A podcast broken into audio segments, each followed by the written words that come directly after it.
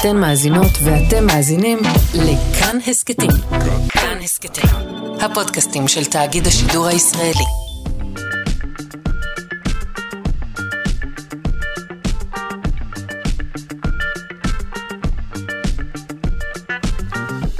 שלושה שיודעים. בוקר טוב למאזיני שלושה שיודעים. הבוקר נהיה עם מודל השפה החדש של גוגל, נשמע האם הוא אכן גדול יותר וטוב יותר. בשעה השנייה נשוחח על ההיבטים הסביבתיים בבניין הספרייה הלאומית. עוד הבוקר ננסה אה, לתקוף את חג הטיגון, שהוא קצת אה, קשה לבליעה השנה מהכיוון המדעי. נספר לכם למה לא כדאי לכבות שמן בוער עם מים, ונשאל איך הפך השמן למרכיב מרכזי בתזונה שלנו. אה, צוות התוכנית הבוקר, אורחות, אה, אלכס לויקר וביאנה דייטש, מפיקה תמר בנימין, אה, דימה קרנצוב ולביצוע הטכני, אני שרון קנטור, בואו נתחיל.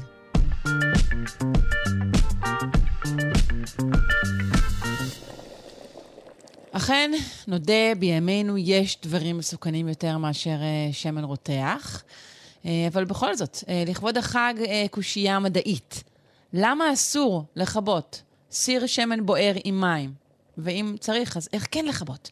נפנה לדוקטור אבי סייג, כימאי ונוירוביולוג במכון דוידסון לחינוך מדעי. שלום. שלום שרון, בוקר טוב. שלום, שלום. אכלת מספיק מאכלים מטוגנים בחג זה? אכלתי אתמול לביבות דווקא, כן. לא יודע אם מספיק, לא, יש גבול לכמה לא, שמן אפשר לאכול, אבל אה, אכלתי, אכלתי קצת. כן. זאת שאלה מעניינת בפני עצמה, האם יש גבול אה, לכמה שאפשר לאכול. אה, עכשיו אנחנו רוצים לדבר על סיר שמן בוער. אה, כן. בכלל, למה שדבר כזה יקרה? כן, למה, למה שדבר כזה יקרה? כי שמן רותח, בדרך כלל כששמן רותח הוא, הוא תמיד קופץ כזה, או הרבה פעמים הוא קופץ כזה, ולפעמים טיפת שמן שקופצת מגיעה ללהבה שמתחת לסיר ונדלקת, אבל נשאלת השאלה, למה הוא רותח בצורה כזאת מטורפת, בכלל, מלכתחילה, כן? אז, אה, אז התשובה היא, גם כאן, מים. אה, לא, מה זאת אומרת מים? זאת אומרת, אה, מים, בטח אנשים זוכרים את זה מימי בית הספר, רותחים ב-100 מעלות. והעניין הוא ששמן רותח בטמפרטורה הרבה הרבה יותר גבוהה, ב-300 מעלות, והאמת היא, לא מתגנים ב-300 מעלות, מתגנים בערך ב-180 מעלות, 200 מעלות, משהו כזה. אם טיפת מים נופלת לתוך שמן, או נמצאת שם מלכתחילה בתוך השמן, מה שקורה היא מיד מתחממת ל-180 מעלות ומיד מיד הופכת לעדים, כן? אה, למעשה היא הופכת למה שנקרא קיטור, לעדים בלחץ גבוה, כי היא מיד רותחת. זה כמו שתטפטפי טיפת אה, מים לתוך אה, מחבת חמה, מיד עושה כזה כן? אם היא כן. מיד רותחת והופכת לקיטור, היא מיד מעיפה את כל השמן החוצה.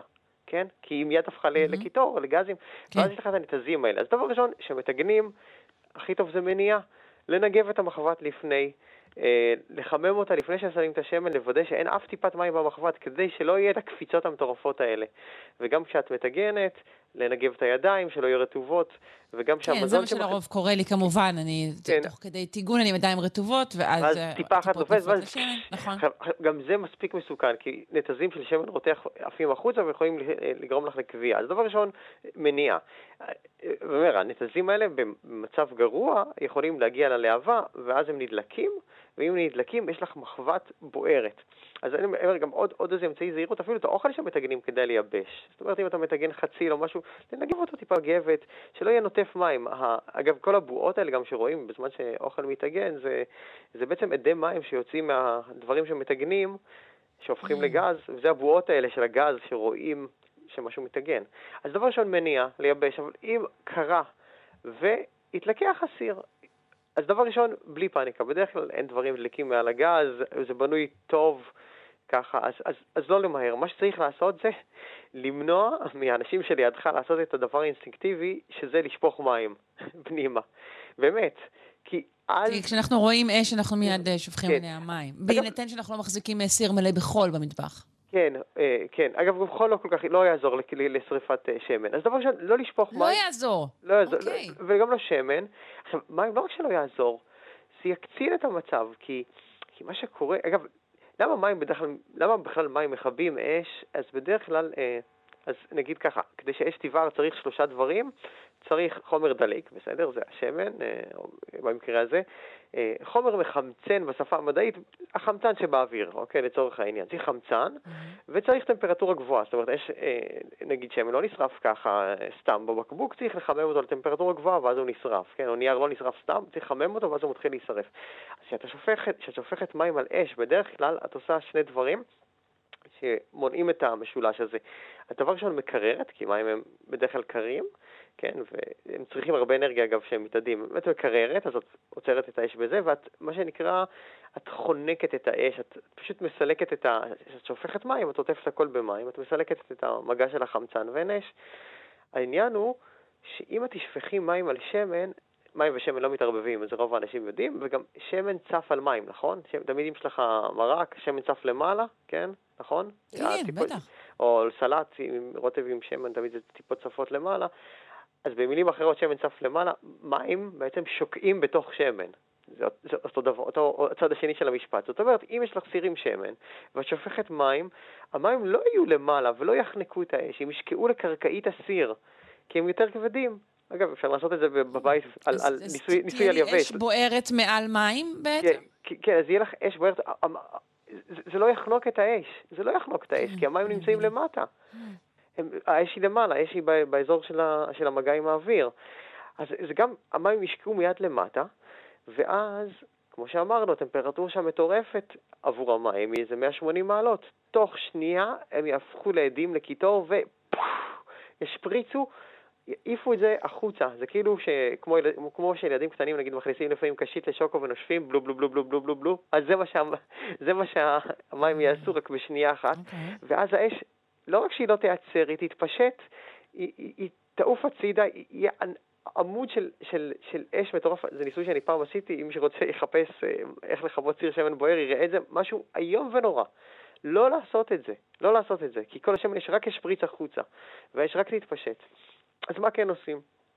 אם יש, לא, בלי פאניקה, אם יש מכסה, פשוט באים בזהירות ובנחישות ושמים את המכסה על הגז, וגם אגב מכבים את הקיריים, כדי שלא יהיה... שלא, כן, לא, זה כמובן, זה דבר ראשון, אבל... כן, פשוט, פשוט שמים מכסה.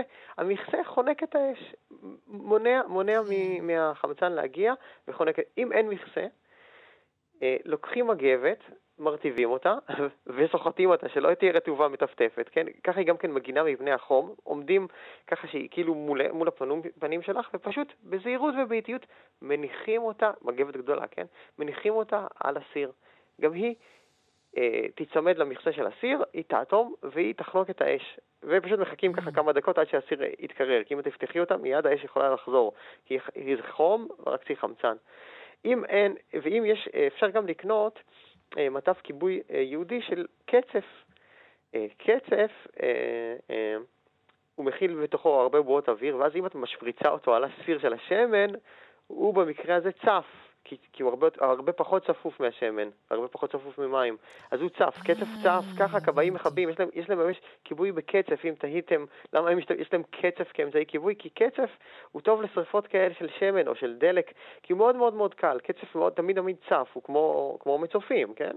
ואז הוא צף וגם הוא חונק את האש. אז או שתשאירו הבית מגע, אה, מטף של אה, קצף, או מכסה, או, מבט, או מגבת רטובה, אבל זכותה, שהיא לא תטפטף מים פנימה. זאת אומרת, היא תהיה כאילו לחה כן, כזאת. זה מה שאמרנו, שייצור אה, גייזר של אש. כן, כן, כן.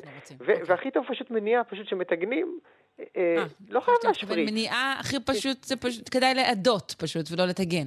אולי זה הכי טוב, זה הכי טוב. אני רציתי להגיד שפשוט להשתמש, שסיר יבש, להקפיד שהוא יבש, לנגב אותו, ידיים יבשות, מאכלים יבשים.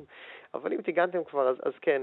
ובשורות טובות, זה באמת, אני אומר, הכי חשוב זה להרחיק את האנשים, כי באופן אינסטינקטיבי רואים אש, בוא, אני רץ, אני רץ עם מים, וזה פשוט אסון. זה, כוויות, זה כוויות בפנים, זה, זה יכול אה, להישפך על הרגליים. באמת מסוכן. אה, אבל אפשר לתקן. בסדר גמור. אז כן, אה, אנחנו כן. זוכרים, אה, לא מים וקור רוח, המלצת גם על זה. כן, קור רוח, זה, זה לא כזה נורא, זאת אומרת, זה נראה מבהיל, אבל זה לא, זה בדרך כלל מתוחם בתוך הסיר. האמת היא, גם אם לא תעשי כלום ותחכי... זהו, אז... זה מה שרציתי לשאול. אם אני לא אעשה כלום, מה יקרה? בוא נגיד ככה, שאם אין במטבח שלך, תעיפי מבט מעל הקיריים... כן, בהנחה שלא, שלא שום דבר אחר, מבחינה מדעית, מה יקרה לשמן הזה? כלום, כלום, הוא פשוט ידלק עד הסוף. פשוט כלום. אפשר ממש לפעול בקור רוח. זאת אומרת, לא צריך מיד גם לרוץ במין איזה טירוף. אז בוער הסיר, לא נורא, כל עוד אתה לא שם את הפנים ואת לא שם את הפנים מעל, אז יש אש מעל הסיר. הרי ממילא יש אש מתחת לסיר, אז מה, מה אתה בנבהל? אבל, אבל האש אה, תדעך מעצמה? לא, היא לא תדעך, מעצ... היא לא תדעך מעצמה, כי, כי זהו, ברגע שהוא נדלק כבר, אז האש בעצמה מספקת חום, היא לא תדעך, זה כמו, כמו נרות חנוכה שפועלים על, על ש... כמו חנוכיה כן. שפועלת על שמן. עד שכל עוד יש חומר דליק, ויש חום, ויש חמצן, היא לא תידח. היא לא תידח, אבל היא לא נוראה, אבל אפשר בקור רוח לכבות אותה. בסדר גמור, שלא נדע. שלא תודה רבה לך, דוקטור כן. אבי סייג, כימאי ונוירוביולוג במכון דוידסון לחינוך מדעי. תודה. תודה שרון, חג שמח, ביי.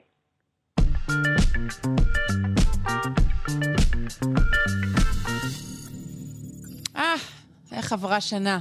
אנחנו נמצאים בעצם שנה, כן, אחרי השקת צ'אט uh, GPT, והנה, גוגל מכריזה על מודל השפה הגדול, החדש והמתקדם שלה, שנקרא ג'מיני.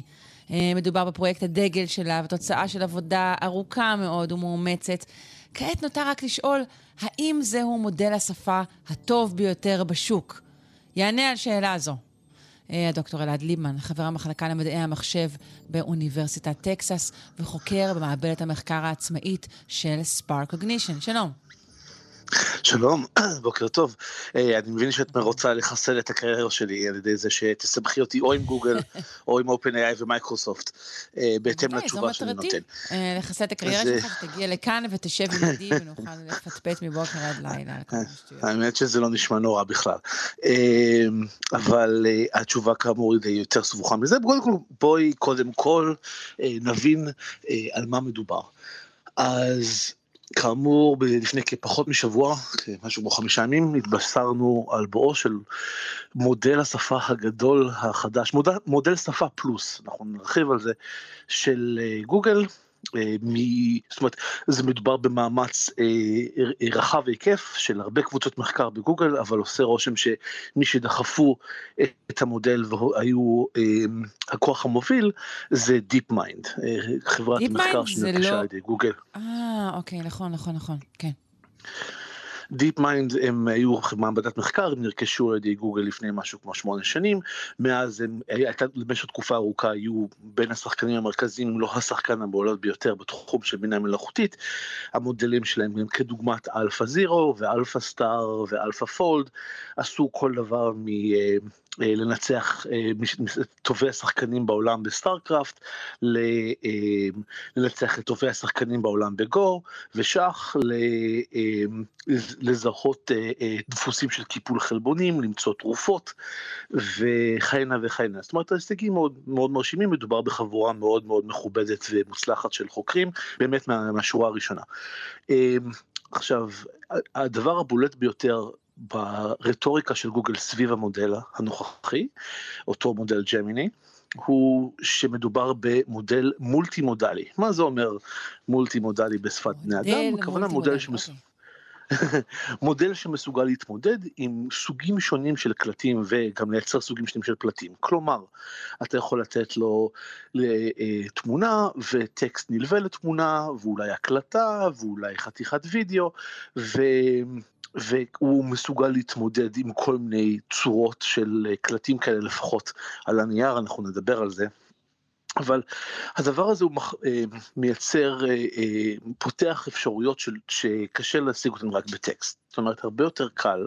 וכמובן שגם מיותר לציין שזה חלק ממרוץ חימוש זאת אומרת גם צ'אט uh, GPT מתהדר ברמות מסוימות של מולטי מודליות אבל פה מדובר במשהו שהוא uh, רחב היקף הרבה יותר זאת אומרת מדובר היה במודל שכביכול אפשר לדבר איתו לשוחח איתו ממש בקול ולא בכתב.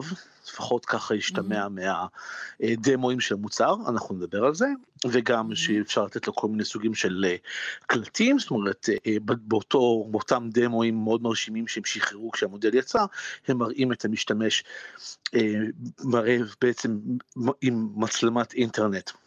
מחזיק אה, ברווז אה, גומי, ברווז אמבטיה כזה, כחול, אה, והוא מצייר כל מיני דיאגרמות של לאן הברווז אמור ללכת ומנהל שיחה פתוחה בקול, לפחות ככה זה בהקלטה, עם המודל והמודל מחווה דעתו לאן הברווז צריך ללכת, מה הברווז צריך לעשות וכן הלאה. זאת אומרת, זה נראה אולי ילדותי, אבל זה מראה סינתזה מאוד גבוהה של קלטים וגם כן. יכולת הפשטה די, די לא טריוויאלית. זאת אומרת, זה ברמה שמשהו ש... שמזכיר יכולות של, אה, לצורך העניין, אפשר היה לחשוב על ההפעלה הזאת כמשהו שהייתי עושה עם הילדים שלי לצורך העניין. Hmm, אנחנו אה, מתקדמים, כמו שאומרים. אה, עכשיו, אבל ההצהרה היא שזה כן. טוב יותר מהיכולות של GPT-4, נכון? כן, נטען ככה, כמובן, כאמור, זה הצהרת גוגל, שהמודל שלהם מנצח את, את צ'אט uh, GPT בשלל מטריקות. יצא על זה ביקורת, כאמור, אני תכף אגיע אליה, אבל על פניו לפחות, אין ספק שמדובר במודל uh, תחרותי, לכל הפחות, לכל מה שיש לצורך העניין ל-OpenAI/מייקרוסופט להציע. כמובן שזה אה, אה, נשמע טוב מכדי להיות אה, אמיתי, אז כנראה שיש פה איזשהו מלכוד. מהר מאוד התחילו לדלוף ביקורות. המודל הרי, המודל אגב זה לא מדובר מודל אחד, יש בעצם שלושה מודלים. הראשון הוא מה שהם קוראים לו Gemini Pro, שהוא כבר עבר אינטגרציה עם Bard, זאת אומרת Bard אותו אנלוג ChatGPT, המתחרה של ChatGPT של גוגל, הוא כרגע עובד עם Bard כמנוע שלו, באותו אופן שנניח GPT 4 הוא המנוע הפרימיום של ChatGPT. אז אנשים שהתחילו לעבוד מול המודל, שמו לב ש... רגע, התחלת לפרט שיש כמה, כמה סוגים של נכון, Gemini? נכון, נכון, נכון, נכון, אז, אז יש את המודל הזה, יש את אה, מודל ננו, לו Gemini Nano, שהוא אמור להיות אה, פרוס על טלפונים סלולריים של גוגל, Google Pixel מהדור הנוכחי, אמ, ומודל שלישי שהם קוראים לו אולטרה, שעוד לא שוחרר, הוא ישוחרר ב-2024 והוא, יש, נעשה הרבה הייפ סביבו וכמה הוא הולך להיות. זהו, הוא אמור להיות הבומבה הרצינית, לא? נכון, נכון, אבל, אבל מכיוון שכך בדיוק נוצר איזשהו, אה, נוצרה חוסר תאימות בין הרטוריקה המאוד בומבסטית לבין זה שמהר מאוד התגלה שהמודל הנוכחי יותר צנוע והבשורה הגדולה בכלל אמורה להיות מודל האולטרה שטרם שוחרר. המודל הנוכחי שכאמור גולגל לכל רעש וצלצולים גדול מצד אה, מכונת היח"צ של גוגל, מהר מאוד גילו שהוא לא אחת מספק פלטים די ביזאריים, למשל אה, או, אני אוהבת פלטים ביזאריים, תן לנו דוגמאות יפות. כן, אז למשל הוא נתבקש לשאול, לשוחח על אינפלואנסרים באינטרנט או משהו בסגנון הזה, הוא התחיל לטעון שפיזיקס גרל שהיא אה, יוטיוברית מפורסמת שעוסקת במדע פופולרית, היא למעשה מריסה מאייר, מי שזוכר את השם הזה, בהחלט תחת ההגדרה של בלאסט פורם פאסט. היא מנכ"לית אה, יהו, נכון? לשעבר. מנכ"לית יהו, סימן קריאה לשעבר, מי שזוכר שהיה דבר כזה פעם. כן. אה, עוד המודל התקשה. אבל אולי הוא יודע משהו שאנחנו לא יודעים. לא, ייתכן, ייתכן, בואי ניתן לו ליהנות מהספק בסוגיה. אוקיי. הלא מאוד אקוטית הזו. אה, לעומת זאת, הוא התקשה מאוד למנות זוכי אוסקר מהשנים האחרונות, שזה לא אמור להיות משימה מסובכת במיוחד למודל ששוחרר בדצמבר 2023. Wow. אה, הוא לא הצליח, הוא למשל לא הצליח לנפק. כאילו מכל השנים האחרונות אי אפשר לפתור את זה בזה שהוא לא קיבל את המידע ממש מהזמן לא, האחרון, לא, הרי היו כאלה דברים בהתחלה. לא. נשמע סביר שהוא לא. אוקיי. מעודכן לגבי אף זוכה אוסקר משנת 2018. לכן לא, לא אה, אפשר את כל הדברים האלה לתת לו ליהנות מהספק בכל מיני אופנים. אה, המודל התקשה לי למשל לכתוב קוד תוכנה עובד, שזה אחד השיבושים כרגע יותר פופולריים לסוג הזה של מודלים. אני יכול. כן. לפרט לו, אני תכתוב לי פונקציה שעושה משהו XYZ, והוא מנפק קוד, וכמובן שגם מה ש-GPT לא מייצר, הוא לא... כן. לא תמיד מושלם, אבל אה, ככל הנראה המודל של גוגל שחררה הוא לא... אה, לא אפוי? באמת. שחררו מודל לא אפוי? לא. זה, זה יש איזושהי דוגמה יותר עסיסית. אה, ביקשו, המודל מאוד מתקשה עם שפות זרות ככל הנראה, הם ביקשו ממנו אה, לתת דוגמה למילה תקינה בצרפתית, בת שש אותיות, המודל החזיר כתשובה מילה בת חמש אותיות. עכשיו, העיר שכל מיני אנקדוטות של ספירה, זה מסוג הדברים שהמודלים האלה מתקשים בהם, זה אחת העדויות לזה שלמודל אין באמת הפשטה סמנטית טובה של דברים כמו כמויות ומספרים, אבל אה, אה, זה עדיין, אה, בהתחשב בעובדה שהמודל הזה כאמור יצא שנה אחרי צ'אט GPT וכל רעש וצלצולים, אנשים די התאכזבו מהתקלות הנ"ל. זה כמעט, כמעט מעורר רחמים כל מה שתיארת. לא, תראי, אני לא, אני לא רוצה לייצר פה מצג שווא שמדובר באיזשהו, אה, קטסטרופה אה, מתגלגלת. כן, אני מבינה. מדובר במודל, אני חושב, אנחנו נגיע לזה, כאילו, אני רוצה לס... לקראת סיכום, אני אולי אעיר משהו לגבי המודלים האלה בכללותם, אבל אין ספק שזה מודל גדול, מרשים, רב יכולות, זאת אומרת, כנראה הוא בהחלט יותר אה, רב עוצמה ממשהו שאת ואני יכולים להרים על המחשב הביתי שלנו, שזה לא אומר הרבה, אבל אה, הרבה מבעיות העומק, הפרדיגמטיות של המודלים האלה, לא, לא נראה שהם נפתרו למרות הבשורה של, למרות הבשורה של Deep uh, Mind ושל גוגל. עכשיו, גם גוגל עצמה שחררה חומרים שהם משתמע שהדמו שהוצג לא ממש היה הדגמה חיה של המערכת, אלא יותר הצהרת כוונות, אנשים הרגישו די מרומים. למה אני מתכוון? למשל, מהדמו משתמע שאדם פשוט מנהל שיחה בקול עם המודל, המודל פשוט מקשיב למה שהוא כן, אומר, נכון. תוך כדי שהוא מדגים. מסתבר שבעצם מאחורי הקלעים הם ישבו והקלידו פרומפטים, כאילו קלטים, קלטי טקסט כמו שכולנו מכירים, והזינו סטילס מהווידאו כתמונות. זאת אומרת, הוא אפילו לא עוקב אחרי הווידאו ה live של ההדגמה, זה פשוט מוזן. אז זה בעצם משהו, אה, מצג שווא של אה, זו הצגה כמעט, אינטראק... אוקיי, כן. כן, אינטראקטיבית, אינטראקטיבית באופן מלא, כשלמעשה מדובר במשהו שהוא כאמור מומח, די מומחז. עכשיו, זה לא אומר שהמודל לא עושה דברים יפים מהסטילס והטקסט, אבל זה לא... אותו דבר, זה כמו שאני אבטיח לך, אה, אני לא יודע, ארוחת חמש מנות אה, מעולה, ואת מגיעה ומסתבר שמהחמש מנות, מדובר בשלוש מנות ולא בחמש, המנות כן, האלה אם היית מראש מבטיח שלא, שהייתי אומרת, וואלה, עשית יפה, מכיוון שהתהדרת, כן. אז אני מאוכזבת ממך. את זה אני מבינה. נכון. אני רוצה רגע עכשיו, לחזור למשהו כן. שאמרת, כן. וכאילו... לעומק הדברים, אם תוכל להסביר לי פתאום דבר שצץ לי. אמרת שהמודלים מתקשים במניעה, בספירה אה, פשוטה באיזשהו אופן, אתה יודע, דוגמה של המילה. תוכל נכון. להסביר לי למה? כי תראי, זה מאותה סיבה שאם אתה הרבה פעמים היית מבקש, זה דברים, סוג הדברים שגילו מהר מאוד, למשל עם מודלים ויזואליים, למשל מיד אה, ג'ורני או דלי 2, שאתה מבקש מהם, צייר לי ארבעה כדורים כחולים ושלושה כדורים אדומים, אה, או כדור אדום מעל כדור כחול. הוא ידע לצייר לך את הכדורים, אבל הוא לא ידע לספור באופן נכון, אולי במספרים מאוד נמוכים, שניים או שלוש. הסיבה היא שהוא צריך מידע אימון שמסוגל לאפשר לו לקשר בין קונספט של מניה, של אורך של, של מספר עצמים, או של למשל לצורך העניין לדעת כמה אותיות יש במילה, לבין המילה עצמה. זאת אומרת, הוא לאו דווקא, מפ... אין שום דבר בקלט חופשי, שאתה עובד על פשוט טקסטים על גבי טקסטים, הרבה יותר קשה ללמוד איזה הכללה. של אה, אלה מילים בנות שש אותיות, אלה מילים בנות שבע אותיות, למעט אם יש מידע שממש ממפה את זה עבורו, וגם אז זה כנראה די מינורי יחסית לכלל האינפורמציה.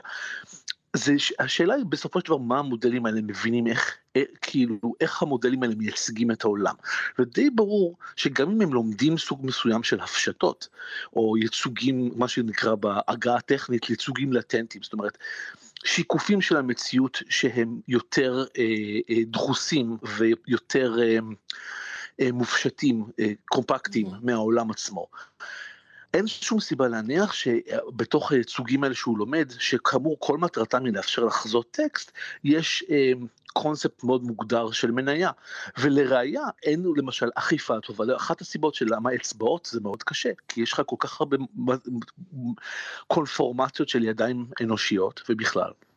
וקשה לו מאוד להקיש, אין לו מספיק ידע מהקשר ומאינטראקציה שאפשר לו לדעת שיד אנושית על פי רוב מכילה חמש אצבעות, מכילה כאילו בנויה כן. מחמש אצבעות וכף יד. אמ, אז זה אותו סוג מאוד דומה של לקות. והעובדה היא שוב שזה יחסית למשהו פשוט, המודל לא, המודלים של גוגל הנוכחים לא נשתמע כנכון לעכשיו שהם באמת פתרו את הסוגיה הזאת. זה יותר עמוק מזה, כי למשל כמו שחוקרת אמילי בנדר, שהיא חוקרת של, בתחום שבין חקר שפה לבינה מלאכותית, שהיא מבקרת ידועה של אה, הפרדיגמה השלטת כרגע בבינה מלאכותית, אה, ציינה בצדק ש...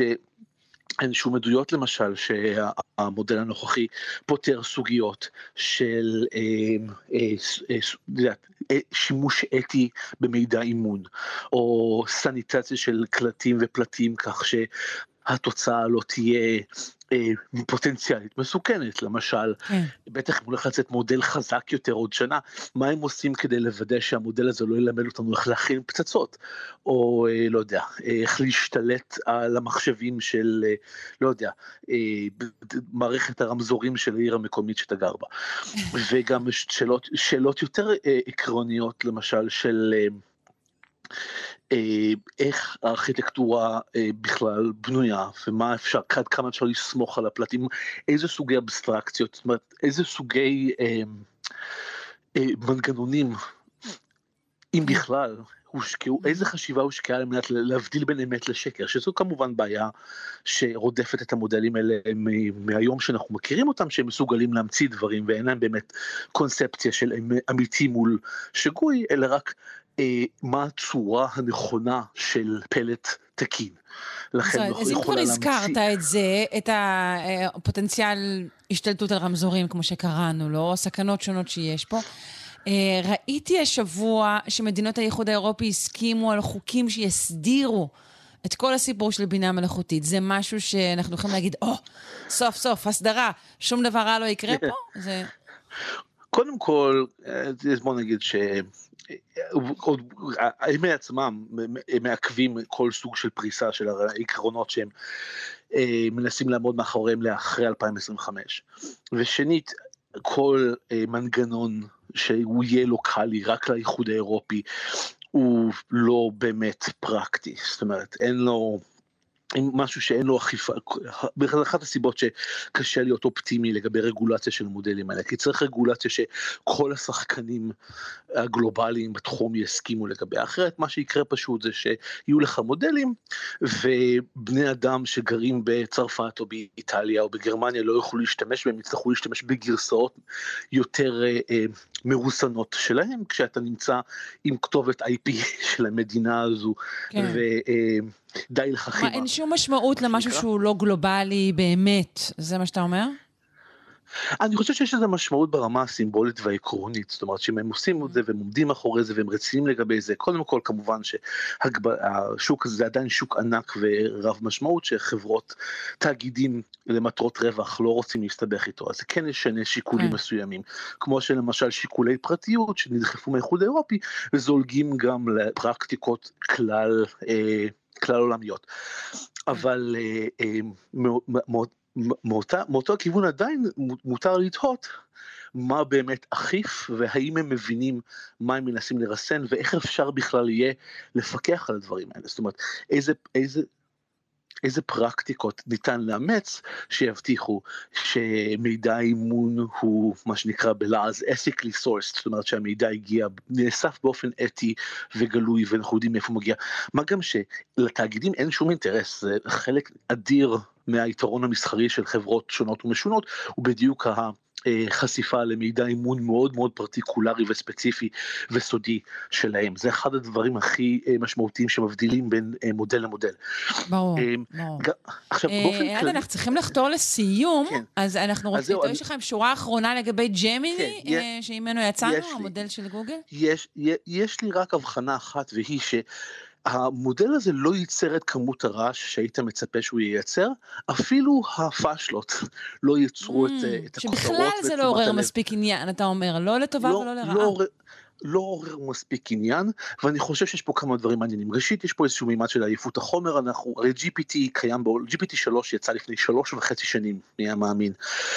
ואנחנו שומעים כבר הרבה זמן שבינה מלאכותית הולכת לשנות הכל. זאת אומרת, ואנחנו שומעים את זה ושומעים את זה, ולאט לאט מתברר שזה לא כזה פשוט לשנות הכל. וגם שם כבר הגיעו שהחות'ים משנים יותר מאשר בינה מלאכותית, זה מה שמסתבר.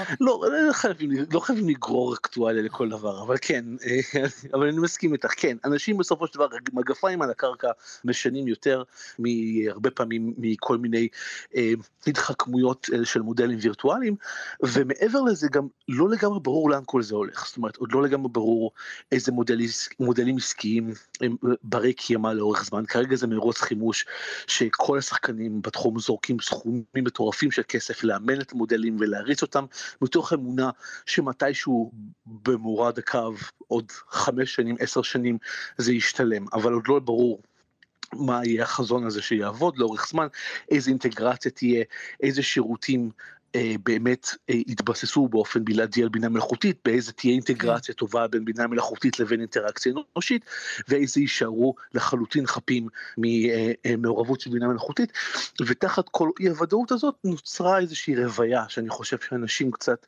יש איזו הצטננות בדעת הקהל, ואנשים מחכים לראות לאן דברים הולכים, לא ישר רצים בהתלהבות לשחק עם המודל הבא, שבגדול דומה באופן חשוד להרבה מודלים שיצאו לפניו בשנה, שנתיים האחרונות, במיוחד שמתחילים להיווצר יותר ויותר אופציות קוד פתוח, אופציות ציבוריות, ונוצרת תחושה שאולי דברים זזים פה לכיוון קצת אחר.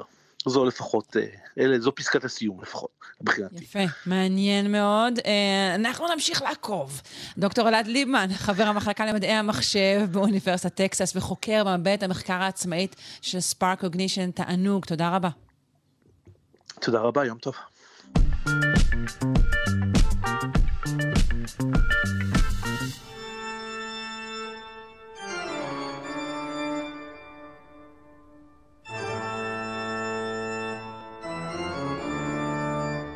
אנחנו עם פינת האבולוציה של הפרופסור אריאל צ'יפמן, חבר המחלקה לאקולוגיה, אבולוציה והתנהגות באוניברסיטה העברית. בוקר טוב.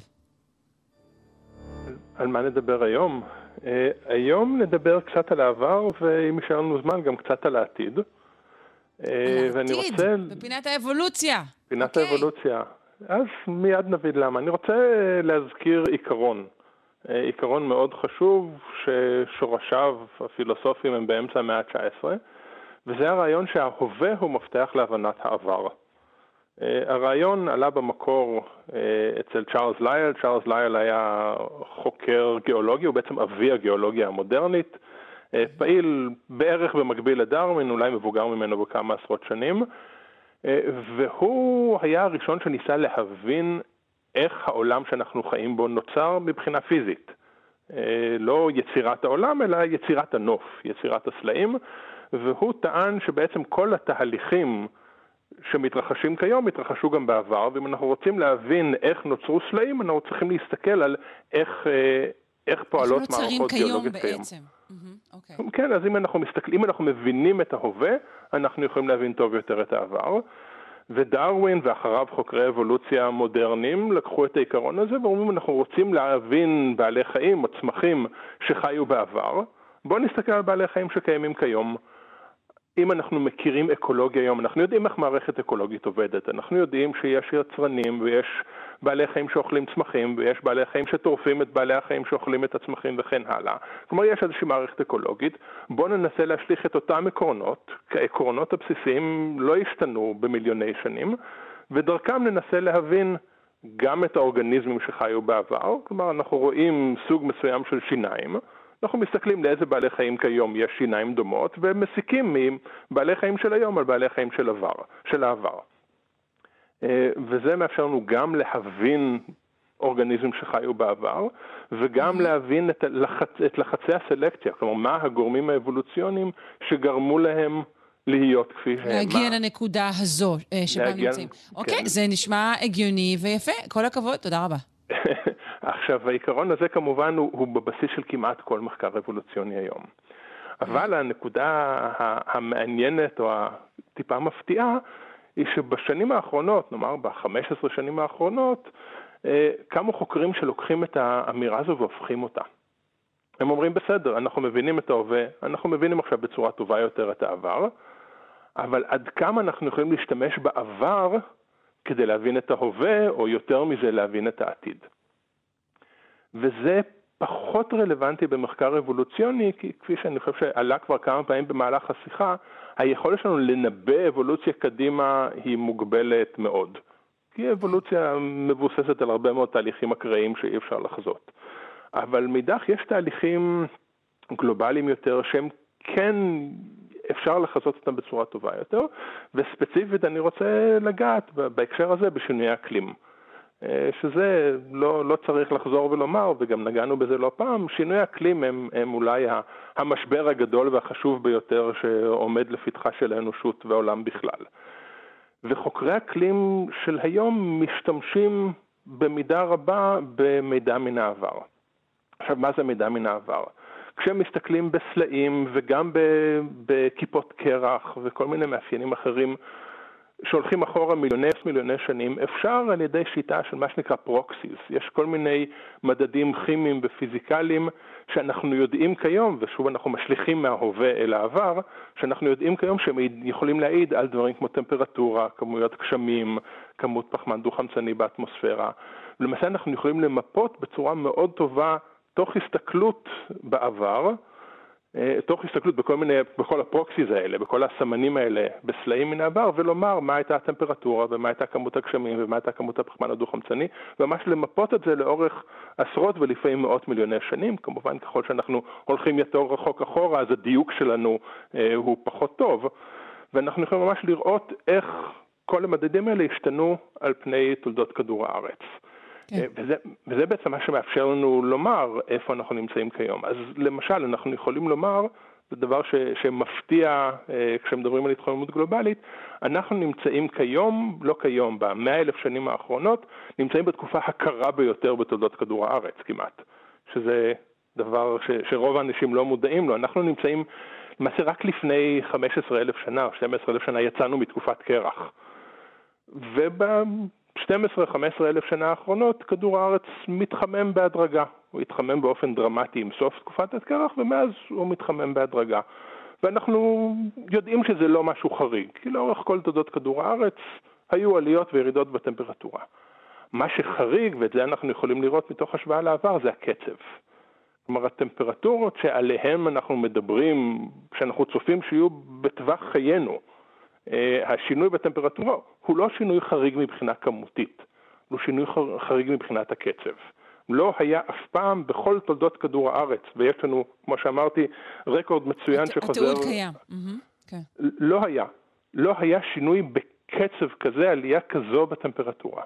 יש אירוע אחד שהופך פתאום בשנים האחרונות להיות האירוע המשמעותי ביותר שאותו מנסים להבין, אירוע שהתרחש לפני בערך 50 מיליון שנה, אה, שבו הייתה עלייה של משהו כמו שש מעלות, זה המון, כן, עלייה של שש מעלות על פני כמה עשרות אלפי שנים.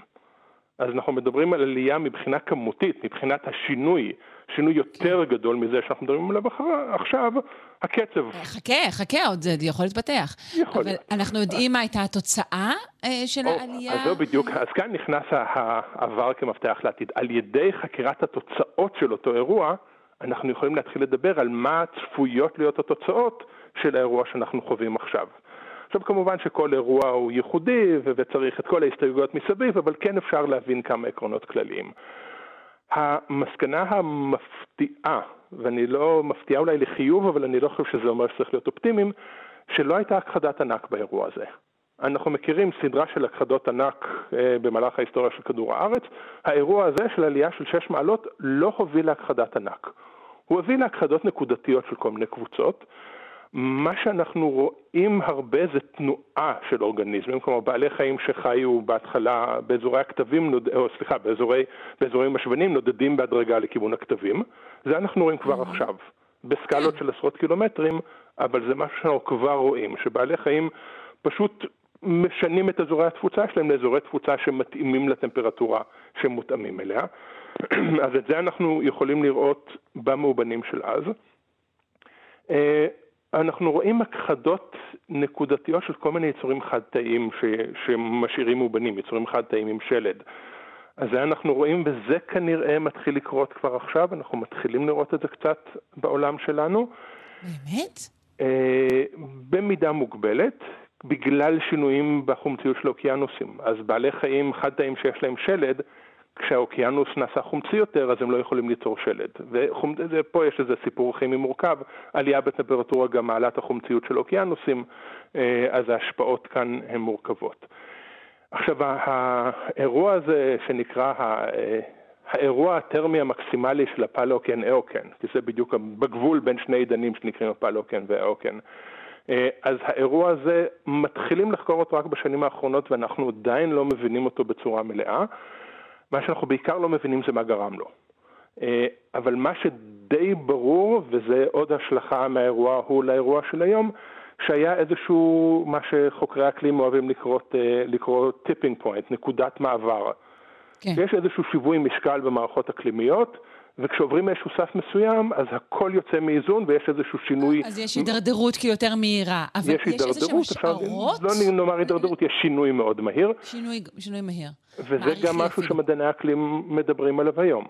שאנחנו נכון, עברנו, או על סף לעבור איזושהי נקודת סף, שבה שיווי המשקל לא מחזיר אותנו חזרה למה שהיה קודם, אלא דוחף אותנו יותר חזק, יותר מהר, לטמפרטורות גבוהות יותר. אה, אז... יש אלו שהן השערות לגבי מה הניע את התהליך, או שבכלל לא, זה סתום לחלוטין? כנראה מה שהניע את זה אז הפעילות וולקנית. אה, הרבה מהאירועים הדרמטיים בתולדות כדור הארץ מתחילים מאיזשהו אירוע וולקני, איזשהו נקודת שבר בקרום כדור הארץ שפתאום יש פריצה של המון מגמה וזה מביא איתו הרבה גזים, מתאן ופחמן דו-חמצני שמשפיעים על האטמוספירה וזה משפיע, שמשפיע, שמשפיע, שמשפיע, זה אירוע מתגלגל. אבל אה, נקודת ההתחלה, מה שהתחיל היה כנראה איזשהו, אה, אה, איזשהו אירוע געשי מסיבי, כן? לא הר געש אחד, אלא כן, כן. איזושהי פריצה בקרום שהוביל לסדרה של אירועים געשיים. זה מה שהתחיל את זה. אה, באנלוגיה, מה שאירוע געשי כזה עושה, משחרר הרבה מאוד גזי, גזי חממה לאטמוספירה, שזה בדיוק מה שקורה כיום. או מה שגורם, או מה שמסית אותנו לכיוון אותה נקודת משבר, הוא שחרור של גזי חממה לאטמוספירה. אני, חי... אני חייב בכל זאת להכניס פה איזושהי הסתייגות אחת קטנה. הרבה מהשינויים האלה באקלים שאנחנו רואים לאורך ההיסטוריה הם מחזוריים וקשורים לכל מיני דברים כמו המרחק של כדור הארץ מהשמש והזווית של כדור הארץ יחסית, זווית הסיבוב של כדור הארץ יחסית למישור. יש חוקרים גם כיום אה, שטוענים שלפחות חלק משינויי האקלים שאנחנו רואים כיום הם בתוך מסגרת אותה מחזוריות, כשהמחזוריות הזו מוחמרת, כלומר נעשית חמורה יותר בגלל גזי חממה. ואז בהסתכלות אופטימית ארוכת טווח, כשהמחזוריות הזאת תחזור חזרה לאיפה שהיא הייתה, אז הכל יתאזן מעצמו. כן. אבל זה כבר לא יקרה בטווח כן, החיים כן, שלנו. כן, זה כבר לא בטווח החיים שלנו. אה, אז זה אופטימיות גלובלית, פחות, גלוב... אה, פחות אופטימיות אה, אנושית. אה, כן, מבחינתנו כן. כבני אדם, השינויים משמעותיים בעיקר לחיים שלנו.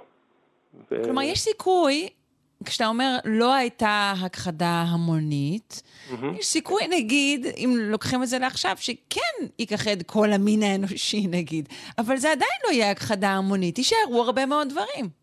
בטוח יישארו הרבה מאוד דברים. גם בהכחדות ההמוניות הגרועות ביותר בתולדות כדור הארץ, נשארו מספיק אורגניזם שהתחילו הכל מחדש. אז אני אוהב לומר שמבחינת כדור הארץ, אנחנו מדברים על להציל את כדור הארץ, כדור הארץ יסתדר. מה אוקיי. שמפריע לנו יותר זה איך האנושות תתמודד עם זה. לגמרי. טוב, זה סוג בהחלט מסוים של אופטימיות. אני מודה לך מאוד, פרופ' אריאל צ'יפמן, חבר המחלקה לאקולוגיה, אבולוציה והתנהגות באוניברסיטה העברית. תודה. להתראות.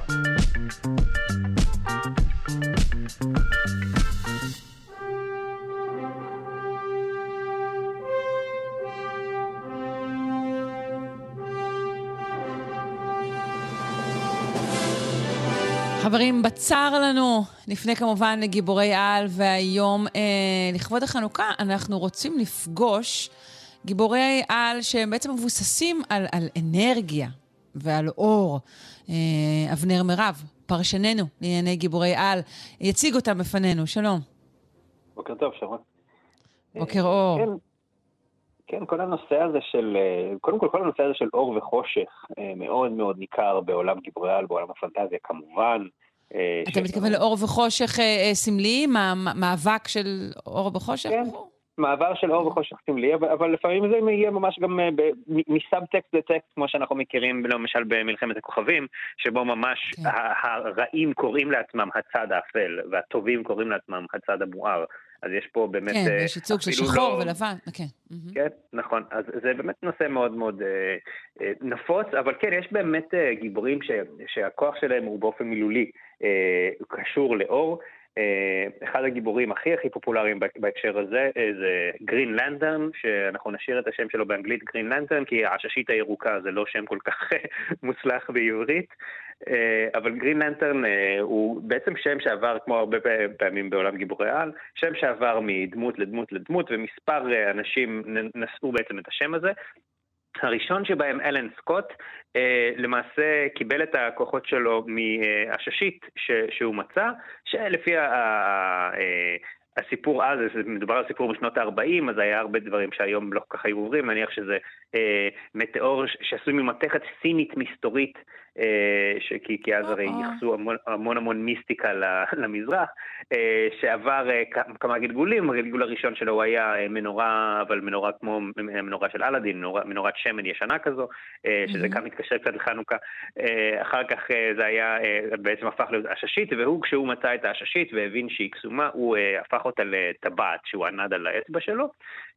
אבל באמת, כל הנושא הזה של אור, בעצם העובדה שהוא קיבל את הכוחותיו ממשהו שמפיץ אור, שזה הששית, וגם יש לו איזושהי מנטרה כזאת לגרין לנטרן אה, מאוחר יותר, שאומר, אה, אף רוע לא יכול אה, לברוח מהאור של גרין לנטרן, זה ממש מעין חמשיר כזה בחרוזים שהוא אומר. כן.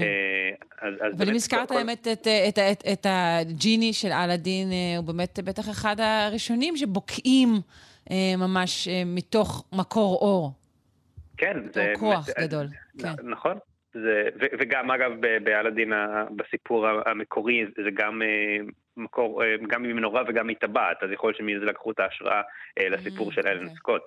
Uh, כן, אז זה, זה בהקשר הזה שיש כאילו, ש, שאור הוא מוטיב מאוד מאוד uh, משמעותי אצל גרין לנטרן, אבל uh, האמת שעכשיו בקולנוע יש את הסרט המרווילס, הסרט האחרון של, של אולפני מרוויל, שבו יש שלוש גיבורות על, שכל אחת מהן יש להן כוח אחר שמבוסס על אור. אה, יש לנו את קפטן מרוויל, שהיא גם גיבורת הסרט הראשון, שהסרט הזה הוא ההמשך שלו, שהכוח שלה הוא בעצם פרצי אנרגיה אדירים של אור, והיא מסוגלת לעוף בזכות האור, והיא בעצמה מאוד מאוד זוהרת ומוארת. אה, אבל יש שם עוד שתי גיבורות שלמעשה בסרט מסבירים שהקשר בין שלושתן הוא העובדה ששלושתן עושות איזושהי מניפולציה לאור. אה, יש גיבורת על שקוראים לה פוטון, אבל, אבל בסרט לא קראו לה ככה, בקוביקס קוראים לה ככה, בסרט עוד לא נתנו לה את השם, כאילו עשו מזה אפילו מעין בדיחה כזאת של מנסים למצוא לה שם ולא רוצים. אה, והיא לא רוצה, אה, אבל, אה, אבל היא... מה קראו לה פוטון, אתה אומר? פוטון, לא, לא, לא פוטון כמו המזרן, כמו המזרן, כן, כן, פוטון, פוטון, כמו... כן.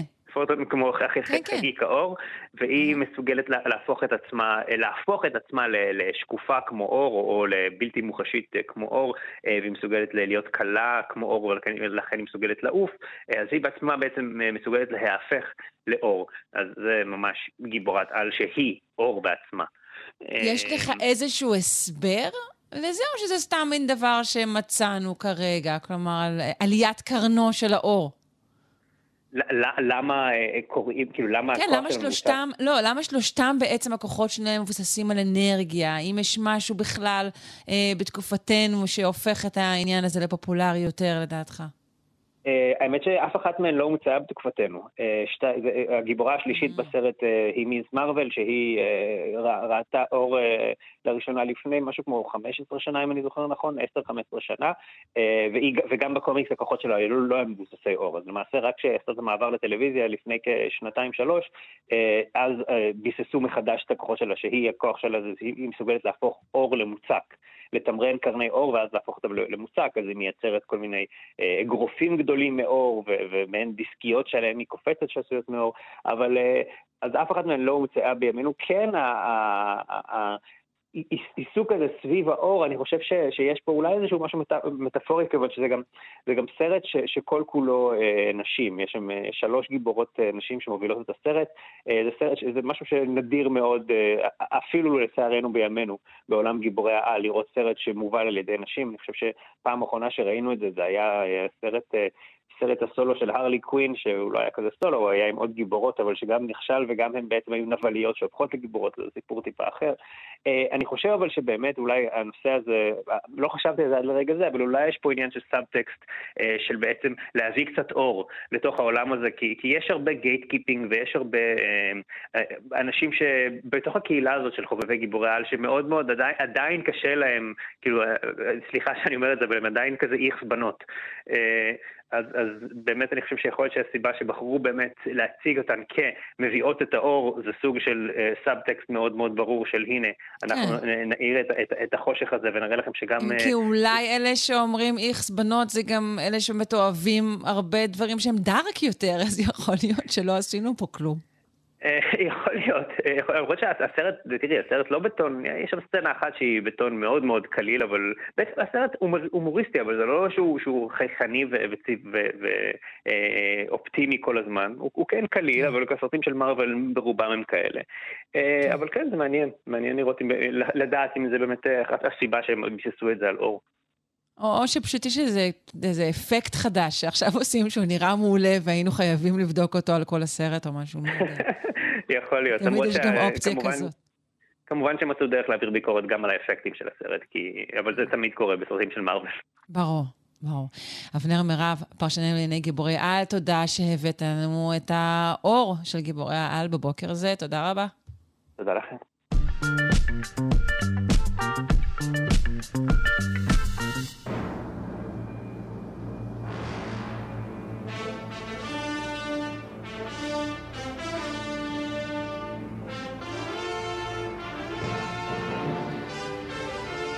זה עיתוי מפתיע לפינת התנ"ך של הדוקטור אילן אבקסיס, שדרן ההסכת, דברי הימים, אנשים, אירועים, יצירות, המצוי, כזכור לכם, בכתובת אילן, abc.co.il. שלום. בוקר טוב למאזינים ולך, שרון, מה שלומך? בוקר אור, שפיר, ואתה? בסדר, אני פשוט בחופשה קצרה ואני מפה מניע את האוטו ונוסע למילואים, אז לכן הקדימו טיפת הפינה.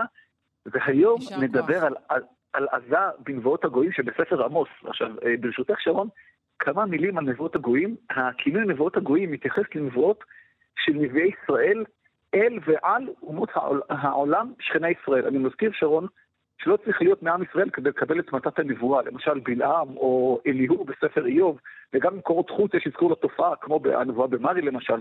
עכשיו חשוב להבין דבר אחד, שרון, הנביא אינו חוזה עתידות, הנביא הוא מתווך, הוא מעביר את דברי האל לעם או לאדם מסוים, ולפעמים את דברי העם או האדם אל האל. אבל אמרת אל ועם, זה, כלומר זה מופנה גם לעמים אחרים לכאורה? לכאורה זה מופנה, תכף אנחנו נסביר את זה. אני רוצה לומר שהנביא אגב יכול לנבא את העתיד אם זה מה שאלוהים אה, אה, אמר לו להגיד, כמו והיה באחרית הימים של ישעיהו וכיוצא בזה, אבל מי שקורא טוב את הנבואות, החלק אה, לא מבוטל מהנבואות, הן נבואות הוכחה על משהו שכבר קרה בעבר, בעיקר זה חטאי מוצרים, עבודת אלילים. עכשיו, כן. נבואות הגויים, אה, שרון, הם יצור די מוזר, בואו נדע על האמת, בעצם כי אלוהי ישראל מעביר מסר לאומות העולם באמצעות נביא העברי.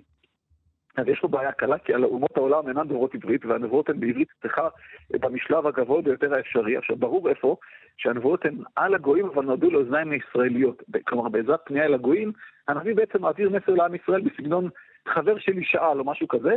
עכשיו, יש יותר דופן אחד של נביא שניבא אל הגויים, ואפילו אמר זאת בשפתם. ירמיהו ניבא נגד עבודת אלילים, הוא יעץ לעם ישראל לא ללכת בחוקות הגויים.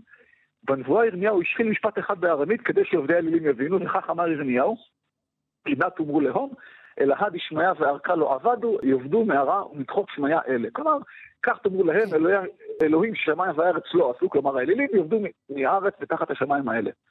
עכשיו, בנבואות הגויים בספר עמוס יש סדרה של שבע נבואות על שכני ממלכת ישראל, ארם, פלשת, צור, אדום, עמון, מואב ויהודה, שנחשבת כגוי מקיף את, את אה, ממלכת ישראל. כל הנבואות הן בעצם הכנה לקראת הנבואה האחרונה והחשובה על ממלכת ישראל.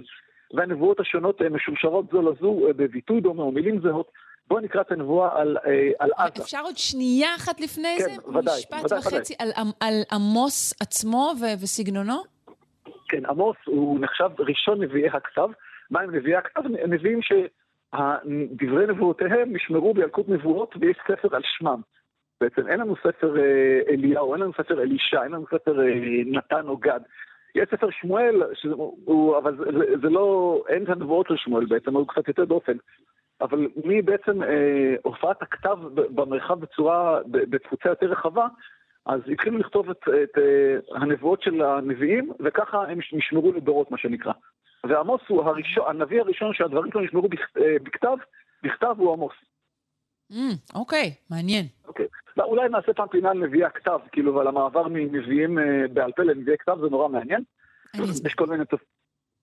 וכך אמר עמוס, כה אמר אדוני, על שלושה פשעי עזה ועל ארבעה לא אשיבנו. עכשיו, זוהי הפתיחה בכל הנבואות, על שלושה פשעי משהו, ופה בשם מושא הנבואה, ועל ארבעה.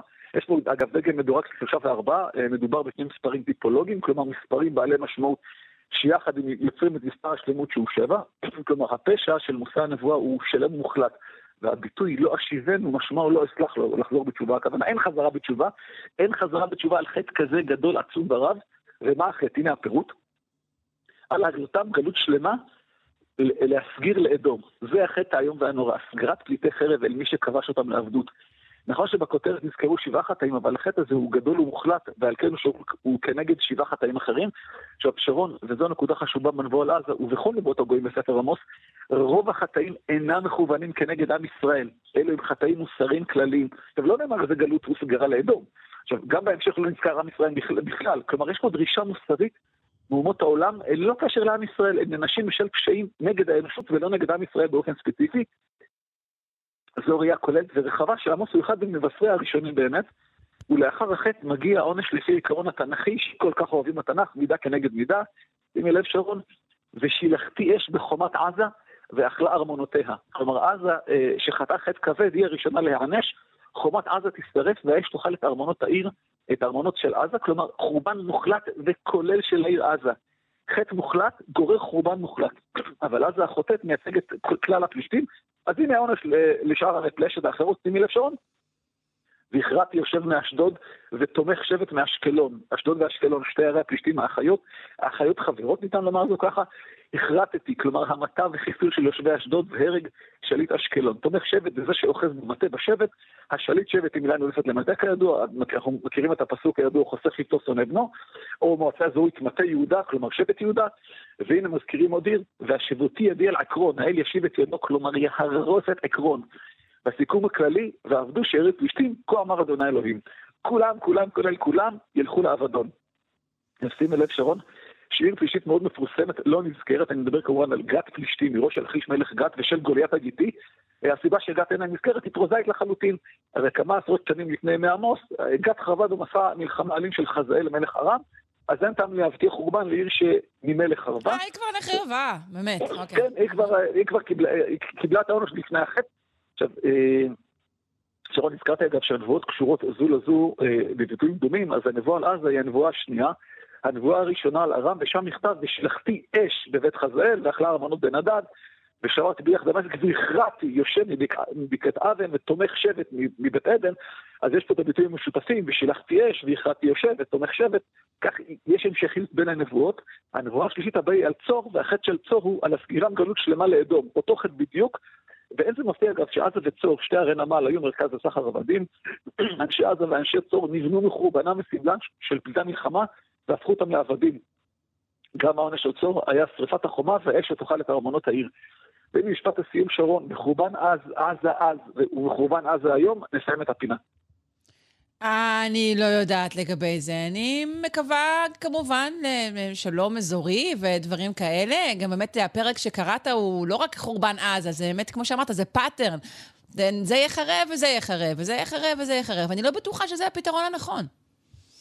אה, כן, אבל כמו שנראה כרגע בעזה, לשם זה הולך. החורבן וממדי הרס הם אדירים גדולים ועצומים. אה, כן, כן, אה, אנחנו יודעים שחורבן שלם, בטח בסגנון הציורי שמתואר בתנ"ך, הוא לא אפשרי, ואנחנו גם לא רוצים בו בסך הכל. אני מודה לך מאוד, דוקטור אילן אבקסיס, שדרן ההסכת, דברי הימים, אנשים, אירועים, יצירות. תודה. תודה לך ולמאזינים.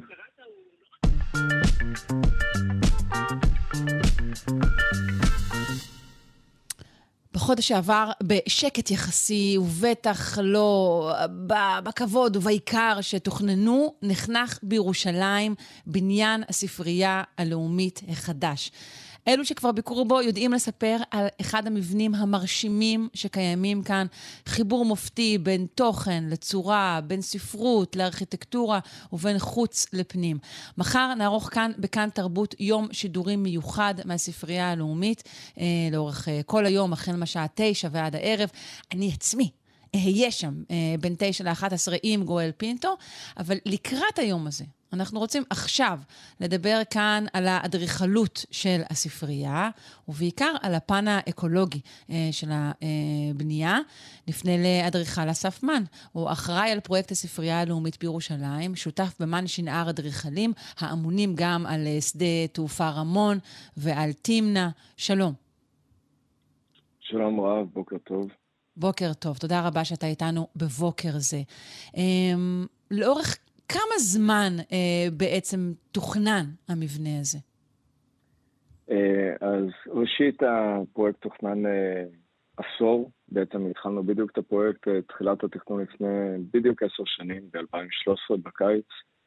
אה, אני חייב לומר, אה, לצידי, אה, בהובלה, אה, גם עם משרדי, זה אמיר מן ואנוכי, אה, אבל בטח ובטח אה, מי שהוביל את החזון, זה בעצם אה, אה, צוות אדריכלים בינלאומיים מהמשרד הרצוג דה מורון, שאחראים בין היתר לפרויקטים מאוד חשובים בעולם, כגון הטייט, מוזיאון הטייט בלונדון, האצטדיון קן הציפור, קן הציפור בסין, האופרה של המבורג, עוד מבנים מאוד מאוד חשובים. כן. מה היו הקווים המנחים, ממש בראשית הדרך?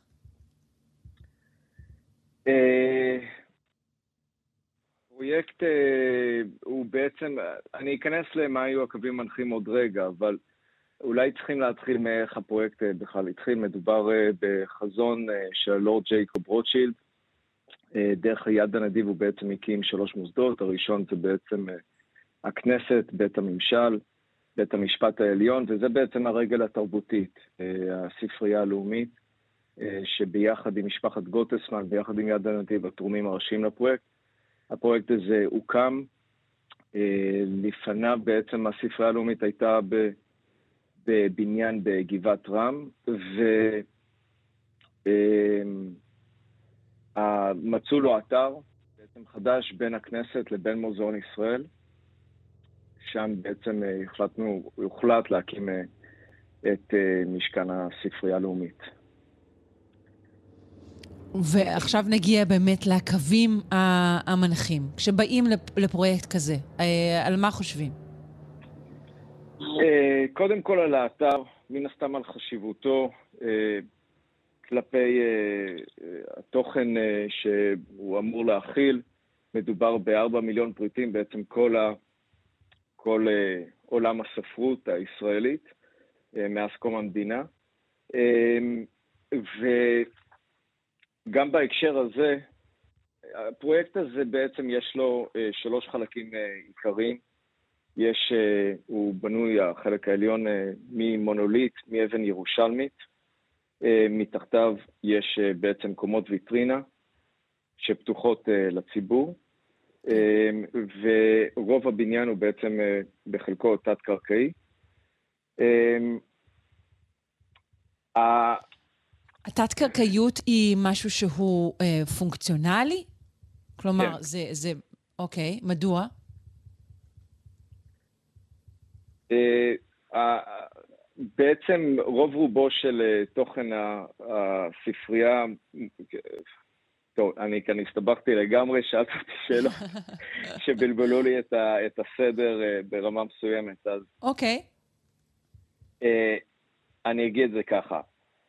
שוב, השיתוף פעולה הוא בינינו לבין uh, משרד uh, הרצוג דמורון. חייבים לומר, אני משתחרר שנייה אחת מהטקסט שדיברתם איתי מקום, כי קצת שינית לי את הסדר. אז אני רוצה רק לומר, מדובר אכן במופת מבחינת אה, הישג לתעשיית הבנייה בארץ. בכלל, הסדר, הבניין, התוצאה שלו הוא באמת יוצא דופן באיכותו. אה, ומהבחינה הזאת, לצד ההובלה של השוויצרים, וגם יש כאן צוות מהנדסים אנגלים, אה, ארופ, הבניין הוקם על ידי חברת אלקטרה, כחול לבן. הבניין נוהל, כל ההקמה על ידי פורן שרם, אה, חברת ניהול ישראלית, ולכן יש כאן איזשהו חזון לבניין מאוד איקוני, מאוד זמנית, מאוד ירושלמי של המקום, ומי שהקים אותו זה צוות מאוד גדול של הרבה מאוד יועצים, גם אנחנו מן הסתם אדריכלים ישראלים לצד הבינלאומיים, אה, והכל קרה באיזשהו דיאלוג יצירתי מאוד אינטנסיבי בין הצוותים הבינלאומיים לבין אלה הישראלים, בסופו של דבר אה, הישג, אה, ואני חייב לומר, קבלן כמו אלקטרה, להקים ביצוע באיכויות שקמו כאן, זה, זה הישג לתעשיית הבנייה הכחול לבן, ולכן אני חושב שצריכים לומר את זה.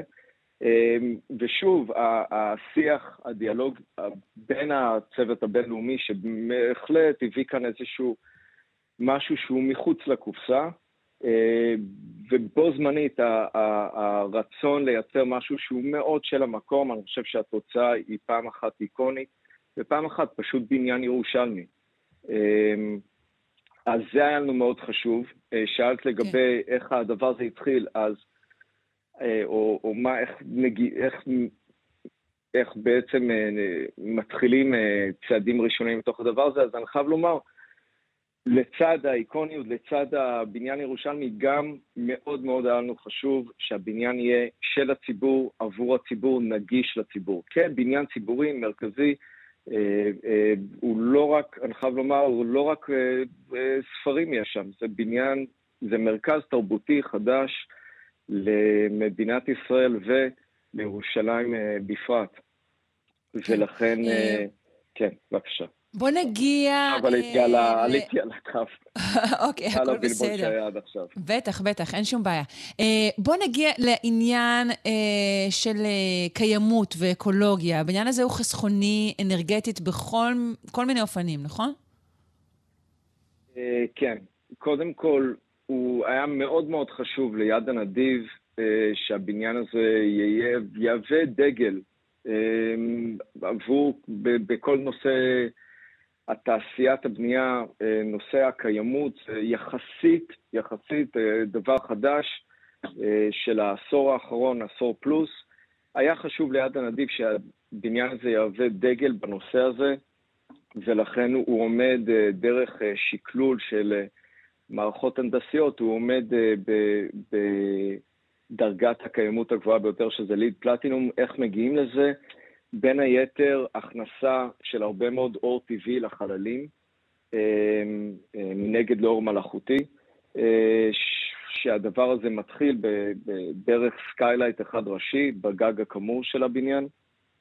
עכשיו, הגג הזה שופך אור לתוך מה שנקרא באר הספרים, זה בעצם אה, אה, חללים פתוחים בצורת אה, טבעות בין, בין כל קומות אלומת הספרים, כך שהאור מתחיל מלמעלה, נשפך מטה דרך כל הקומות. עכשיו, יכולה להבין שאור טבעי, ספרים, זה לא הדבר הכי פשוט, כי גם בואה, גם סנוור עבור הקורא, וגם עבור הספר עצמו זה לא הדבר הכי מעולה, ולכן זה לא שאתה רואה את השמיים דרך הסקאלה, בעצם הזכוכית מקבלת אה, מה שנקרא הדפס קרמי, ומתחתיו יש בד mm. מתוח, אה, כך שרק 2% האור הטבעי נכנס, אבל הדבר הזה בעצם נותן תנאים אופטימליים מבחינת אה, הקורא.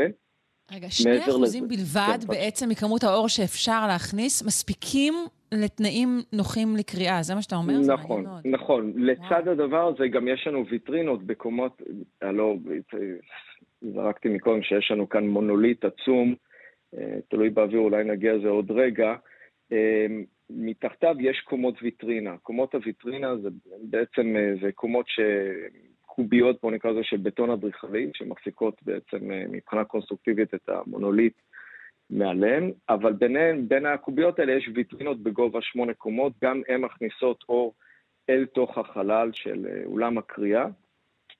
והם וגם בעצם אנחנו רואים לעמוד... ככה את, ה, את החוץ, נכון? אנחנו רואים את הרחוב, אנחנו רואים את הגן. כל הזמן יש קשר חוץ-פנים, כל הזמן יש קשר mm-hmm. בין, ה, בין הרחוב, בין הגן הירושלמי שעוטף את כל הבניין, עוד אני מקווה שניגע גם בו, ובין uh, פנים החלל.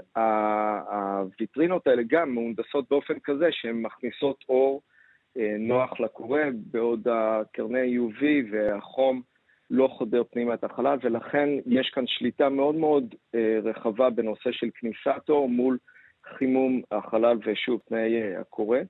אה, מעבר לזה, יש הרבה מאוד משרדים גם בבניין. כל עובדי הספרייה, וגם להם יש הכנסה של אור טבעי דרך סקיילייטים קטנים בגג, ובקומת מרתף, שגם שם יש משרדים דרך חצרות מונמכות.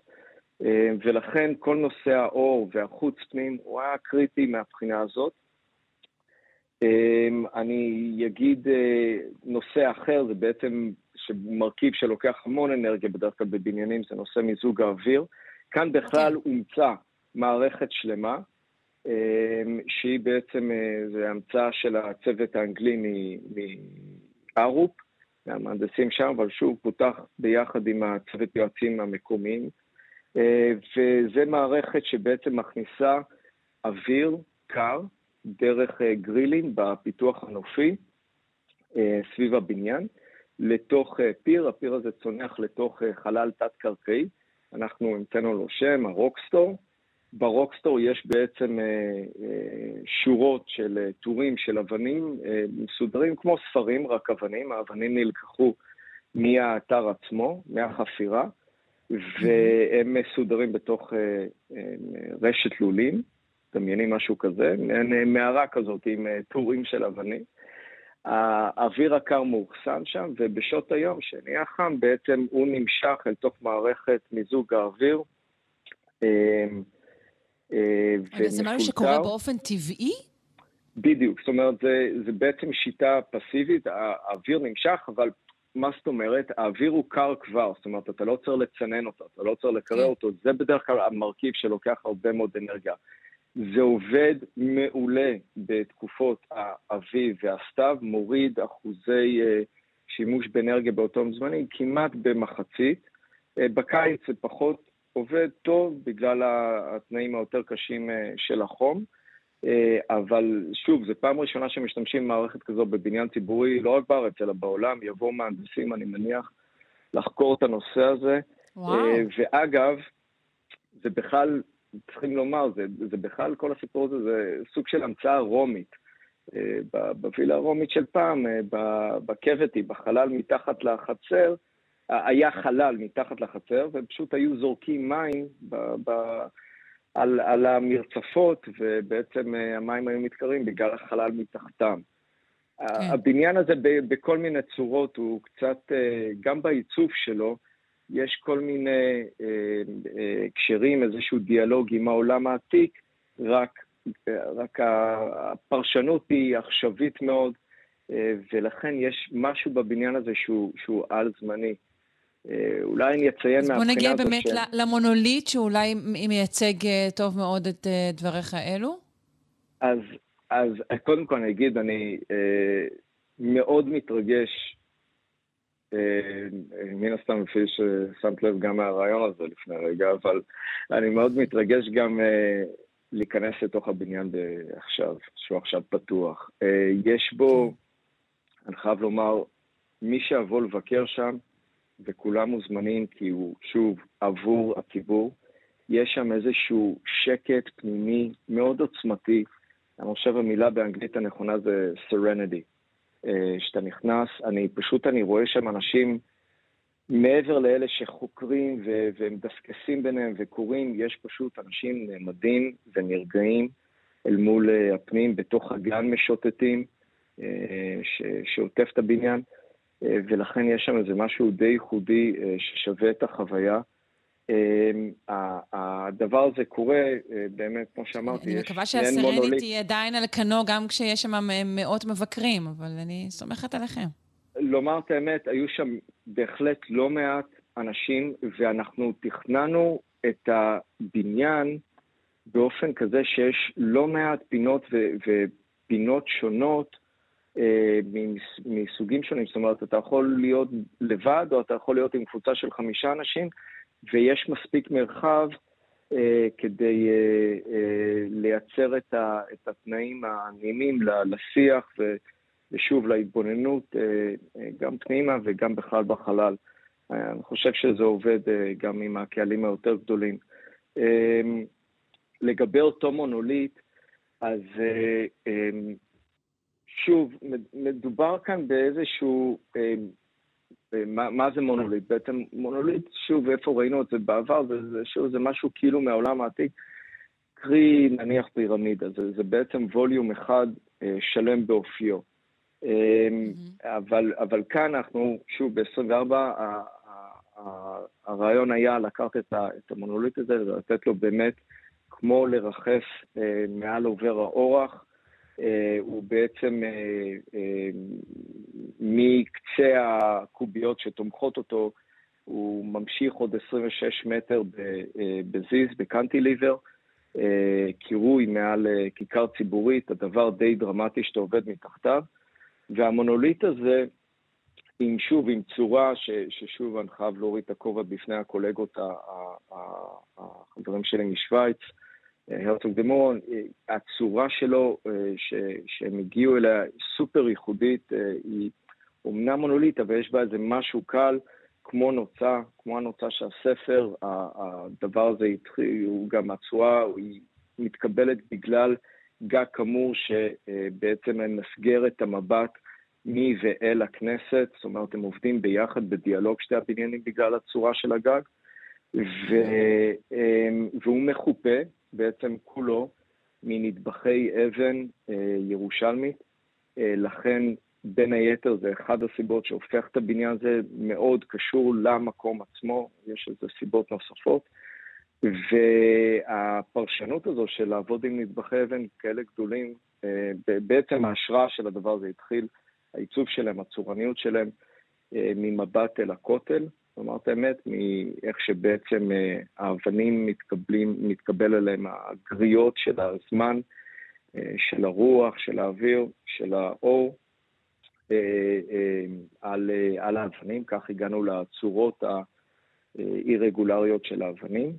כן. אבל איך בכלל לתלות מטבחי אבן כאלה גדולות על, על, אה, על חזית, זה היה בכלל שיטת ביצוע שהומצאה כאן אה, על ידי פריקסטים מבטון, ודרך הטכנולוגיה עצמה, השימוש בבטון ואבן, הגענו בעצם אה, לעיצוב עצמו, כאשר לפעמים אנחנו מחסירים אבנים מסוימות, ואז אנחנו מקבלים חילון.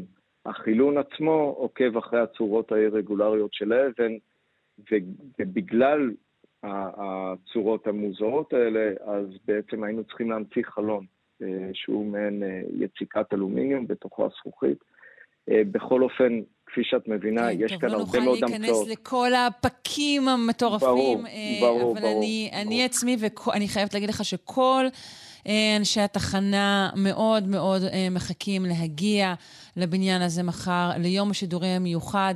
אה, נעסוק גם אולי... באמת בעוד פנים של הבנייה. אם יש לך שורה לסיום, אתה מוזמן? קודם כל, חד משמעית, כל הציבור מאוד מוזמן, ואני רוצה רק לומר גם איזה עוד משהו אחד, איזה עוד הישג קטן שהיה כאן בבניין. בגלל שמדובר בבניין ציבורי, היה לנו מאוד מאוד חשוב להוריד מההיקף שלו אה, מהיקף הגן שלו את הגדרות שאנחנו מכירים מבניינים ציבוריים. ממולנו יש לנו את הכנסת עם כל הדרישות הביטחוניות שם, ולכן הגן, הבניין, 360 פתוח לציבור, אה, מאפשר את השוטטות המסוימת ומן הסתם את ההזמנה לתוך הדלתות שלו, ואני ממש מקווה שהציבור אה, בהחלט יבוא וירגיש את מה ש... אני מבין שחלק מהמבקרים עד עכשיו הרגישו, כי כן. זה חזר אלינו ב, ב, ב, אה, בעצם במה שהם מספרים לנו על החוויה עצמה, וזה מאוד מאוד מרגש. בטח בתקופה הזאת. שומעים, שומעים דברים נפלאים, ומחר ניווכח. מעט. במו עינינו. בהחלט, מעט, מעט אור בתקופה הזו. כן, תודה רבה לך, אדריכל אסף מן, אחראי על פרויקט הספרייה הלאומית בירושלים, שותף במן שנער אדריכלים. תודה רבה. מאה אחוז, תודה לכם, יום טוב.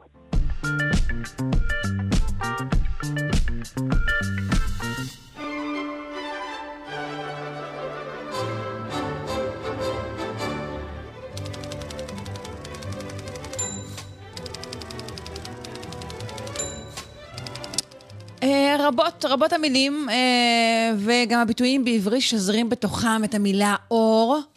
משום מה, כרגע עולה לי בראש בעיקר המילה אורתודנט. אבל אני בטוחה שדוקטור סמדר כהן אה, חשבה על מילים טובות יותר ועבריות יותר. בוקר טוב, דוקטור סמדר כהן, לשונאית הבית שלנו. בוקר טוב, שרון. אה, כן, חשבנו מה... איך אפשר לדבר על חנוכה בימים האלה, אה, וגם אה, לעשות פינת לשון, וגם... כאילו לשמוח ולדבר על ניסים, וזה באמת היה קשה הפעם. אז פשוט החלטנו להרבות אור. אמ, והחלטנו לדבר פשוט על המילה אור ועל השימושים שלה בכל מיני ביטויים, מטבעות לשון אה, ופתגמים בעברית. תעשי כוכבית, לשאול אותך באיזה מתי אומרים מטבעות לשון, אבל זה באמת אה, כוכבית, למתישהו אחר. טוב. אה, אז אולי באמת, אני חושבת ש... הדבר שאנחנו הכי הרבה שומעים בזמן האחרון, אמ, זה כל עוד הנר דולק אפשר לתקן. אמ, זה מין ביטוי כזה שהוא היה חבוי, הוא היה ידוע רק ליודעי חן במשך די הרבה שנים, ואני חושבת שבעשור האחרון הוא הולך ותופס מקום אה, בשיח הציבורי. אני עצמי שמעתי אותו כרגע לראשונה. כל עוד הנר 아, אה, דולק, אפשר לתקן?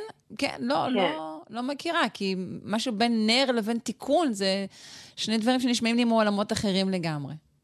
נכון, אז, אז אמ, זה כאילו, אמ, אמ, זה, זה נשמע כאילו משני עולמות אחרים לגמרי, אבל אם אנחנו אה, מדברים לרגע על נר בכלל במסורת היהודית, הנר במסורת היהודית הרבה פעמים מדומה לנשמת האדם. אה, גם יש לנו אה, נר, נר אדוני נשמת אדם, אה, יש כל מיני ביטויים ככה במסורת העברית-יהודית שמדברים על, על זה שבעצם גם הנשמה היהודית היא סוג של נר דולק. Mm-hmm. וכאן, כשאנחנו מדברים על כל עוד הנר דולק אפשר לתקן, אז בעצם המשפט הזה הוא, אנחנו יודעים שהוא מיוחס ל, לרבי ישראל מסלנט, שייסד את תנועת המוסר, ו... בעצם כשהוא אמר או דיבר על הביטוי הזה, הוא בעצם התכוון לומר שהנר שהוא נשמת החיים שלנו, הוא נמצא בנו לתקופת חיינו. וכשהוא מדבר על כל עוד הנר דולק אפשר לתקן, הוא מתכוון על תיקון הנפש. כן, אה, בעצם כן. הוא מדבר על עבודת המידות, על זה שכל עוד יש בך נשמה, את יכולה לתקן את מידותייך, את יכולה לעשות לאדם טוב יותר. אה, בחסידות יש ממש מעשיות שכתבו סביב הביטוי הזה, ובעיקר מדברים שם על, או על סנדלר, או על חייט, או על איזשהו איש אה, עבודה שבא הביתה באמצע הלילה. אה, הוא מדליק נר כדי לתקן את מעילו שנקרע, או, או אה, התלכלך, או כזה, ו, ואז יוצאת אשתו ואומרת לו, מהר מהר תתקן, כל עוד הנר דולק. זאת אומרת, הנר דולק זה איזשהו, הפך להיות איזושהי אה, אה, אה, דרך להגיד שיש לנו זמן קצוב לעשות משהו. אה, כאורך חייו של הנר הדולק, כך יש לך זמן לתקן. אה, ובאמת בהשאלה, היום אנחנו משתמשים בזה להרבה דברים אחרים. אה, לא רק לתקן את המידות, אלא גם, אה, טוב, קרה משהו והוא מקולקל, כל עוד אתה חי אתה יכול לתקן. קרה משהו ואמרת משהו, פגעת במישהו... שזה חוזר על המשמעות המקור, המקורית של מה שאמרת, באמת, על הנשמה. כל עוד אתה חי, נכון, יש, אה, נכון. יש מקום לשיפור. אז אתה יכול לתקן, אבל לא דווקא במקום של אה, לתקן את מידותיך. כלומר, אנחנו קצת אה, הרחבנו את המשמעות, לא רק במשמעות המאוד בסיסית יהודית של תיקון המידות, שזה לעשות לאדם טוב יותר, לעבוד על פי, מיד, על פי המידות היהודיות, אלא באמת כל דבר שעשית אותו ואתה לא שמח עליו, או אתה לא בטוח בו, אתה לא רוצה אותו, אתה רוצה לשנות אותו, אתה רוצה לתקן אותו, לא דווקא בך, אלא כל דבר גם חיצוני, אתה רוצה לתקן, יש לך אפשרות לתקן. כל דבר שאתה רוצה, אה, אה, אמרת משהו, פגעת במישהו, אה, כן. בחרת משהו לא נכון, אל תדאג, יש לך עדיין הזדמנות לתקן. צורה אחרת לומר, כאילו, אף פעם לא מאוחר מדי. אף פעם לא מאוחר מדי, נכון, בדיוק, אוקיי. בדיוק, אוקיי. נכון, בדיוק. אז זה אולי אחד הביטויים ההולכים ומתפשטים בשימוש בדיבור. אולי עוד משהו שאני חושבת שכדאי שנדבר אותו, זה באמת לשפוך אור על הטקסט. אנחנו רוצים לשפוך אור על הטקסט, נכון, או בואו תשפכו לי אור כאן. זה מאוד כן. יפה. אולי אפשר לשפוך, בוא תשפוך לנו קצת אור על הפרשה הזאת, כן? אנחנו מכירים את זה גם מלשון החדשות. לא באמת אפשר לשפוך את האור, נכון? האור לא, הוא לא שפיך. אני לא יודעת, אנחנו צריכים להעלות איזה פיזיקאי על הקו כדי לברר את הנושא. אז בבקשה לפעם הבאה, אני מבקשת לאתר פיזיקאי. אה, אבל אנחנו באמת מוצאים שבמקרא אנחנו מוצאים אה, את להוציא לאור, והוציא כאור צדקיך ומשפטך כצהריים, בתהילים למשל. אז אנחנו מוצאים שבעצם לשפוך אור או להוציא לאור זה בעצם להפוך משהו לברור, למובהק, לבוהק באור, כאור היום. ליצור מצב שדברים שיהיו גלויים לאור, כלומר לאור, ה, לאור השמש, כן? להוציא אותם מן החושך אל האור. אה, ולמה אנחנו, אה, ומה זה לשפוך אור? אנחנו אומרים הרבה פעמים, אולי אתה מוכן לעשות לי הגהה על הטקסט שלי, אז מה זה כן, בעצם לצערי אנחנו לא אומרים את זה מספיק, שכן, רוב הטקסטים שיוצאים נכון, מכאן שלא לא עברו שום הגהה בשום צורה, אבל כן נכון, נגיד שאנחנו אומרים את זה. כן. אני מסכימה איתך, ואני גם מוכרחה לציין באותה הזדמנות אה, אולי להביע את מחאתי הקטנה. אני חושבת שגם אה, אה, אולי אחד הדברים שאני רואה בשנים האחרונות זה באמת גם סטודנטים שמגישים עבודות בלי הגהה. אה, פעם היו אנשים כותבים את העבודות שלהם ביד. דיברתי על סטודנטים, עיתונים מתפרסמים בלי הגהה. על מה את מדברת? אה, נכון, את צודקת. מכיוון שזה עולה כסף, יועצי לשון, אז פחות, אה, כן. אבל, וגם כי אנחנו בעיקר, אני בעיקר חושבת שאנחנו נמצאים היום בשלב מסוים של השפה, שבו אנחנו כל כך בטוחים בעצמנו, בידע שלנו. זה משהו טוב, זה דבר טוב שקרה לעברית, העובדה שכולם מרגישים מספיק בטוחים כדי לכתוב ולפרסם ולעשות, כי, כי זה אומר משהו על מעמדה של העברית כשפת אם, על מעמדה של העברית כשפה בטוחה. כזה בן אדם נחמד, באמת, את רואה את הדברים מכיוון כל כך יפה. בסדר גמור. אנחנו חייבים, נכון. ברור. תראי, זה לא היה... נכון, באנו להביא אור, הרי באנו להביא אור בפינה הזאת. הרי באנו להגביר את האור, בדיוק, נכון, בדיוק. אה, אבל מהי בעצם הגהה? הגהה בעצם באה מהשורש נוגה. אה, להגיע, זה בעצם היה צריך להיות להנגיע, ומתוך תהליך לשוני שלא ניכנס אליו, הוא הפך ללהגיע. ומהו נוגה? כשילדה קוראים לה נוגה, בעצם זה כמו הילדות של היום שקוראים להם אור, אורי, אוריה. כל השמות האלה הם שמות שבעצם מסמנים אור. נוגה הוא הכוכב המאיר ביותר. כן. אה, לא סתם קוראים לו נוגה.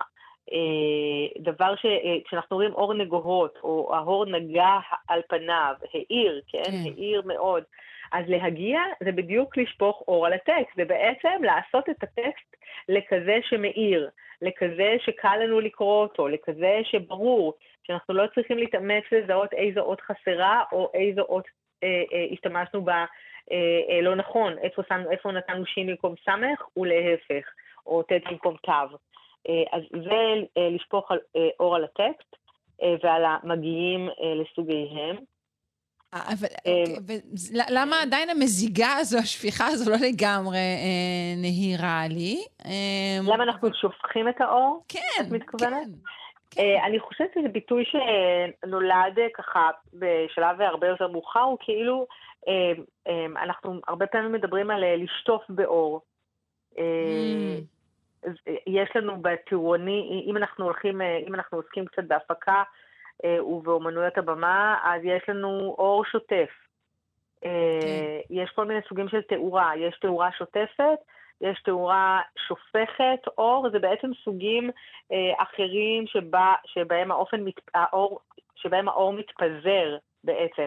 כשאנחנו אומרים לשפוך אור, אנחנו כאילו בעצם שופכים אותו בנדיבות, אנחנו, אנחנו אה, אה, באופן. נרחב, אנחנו לא בוררים אות-אות, אלא בכלל אנחנו אה, מנסים... אה, מפנקים, אנחנו מפנקים באור. מפנקים, בדיוק, לפנק זה זה.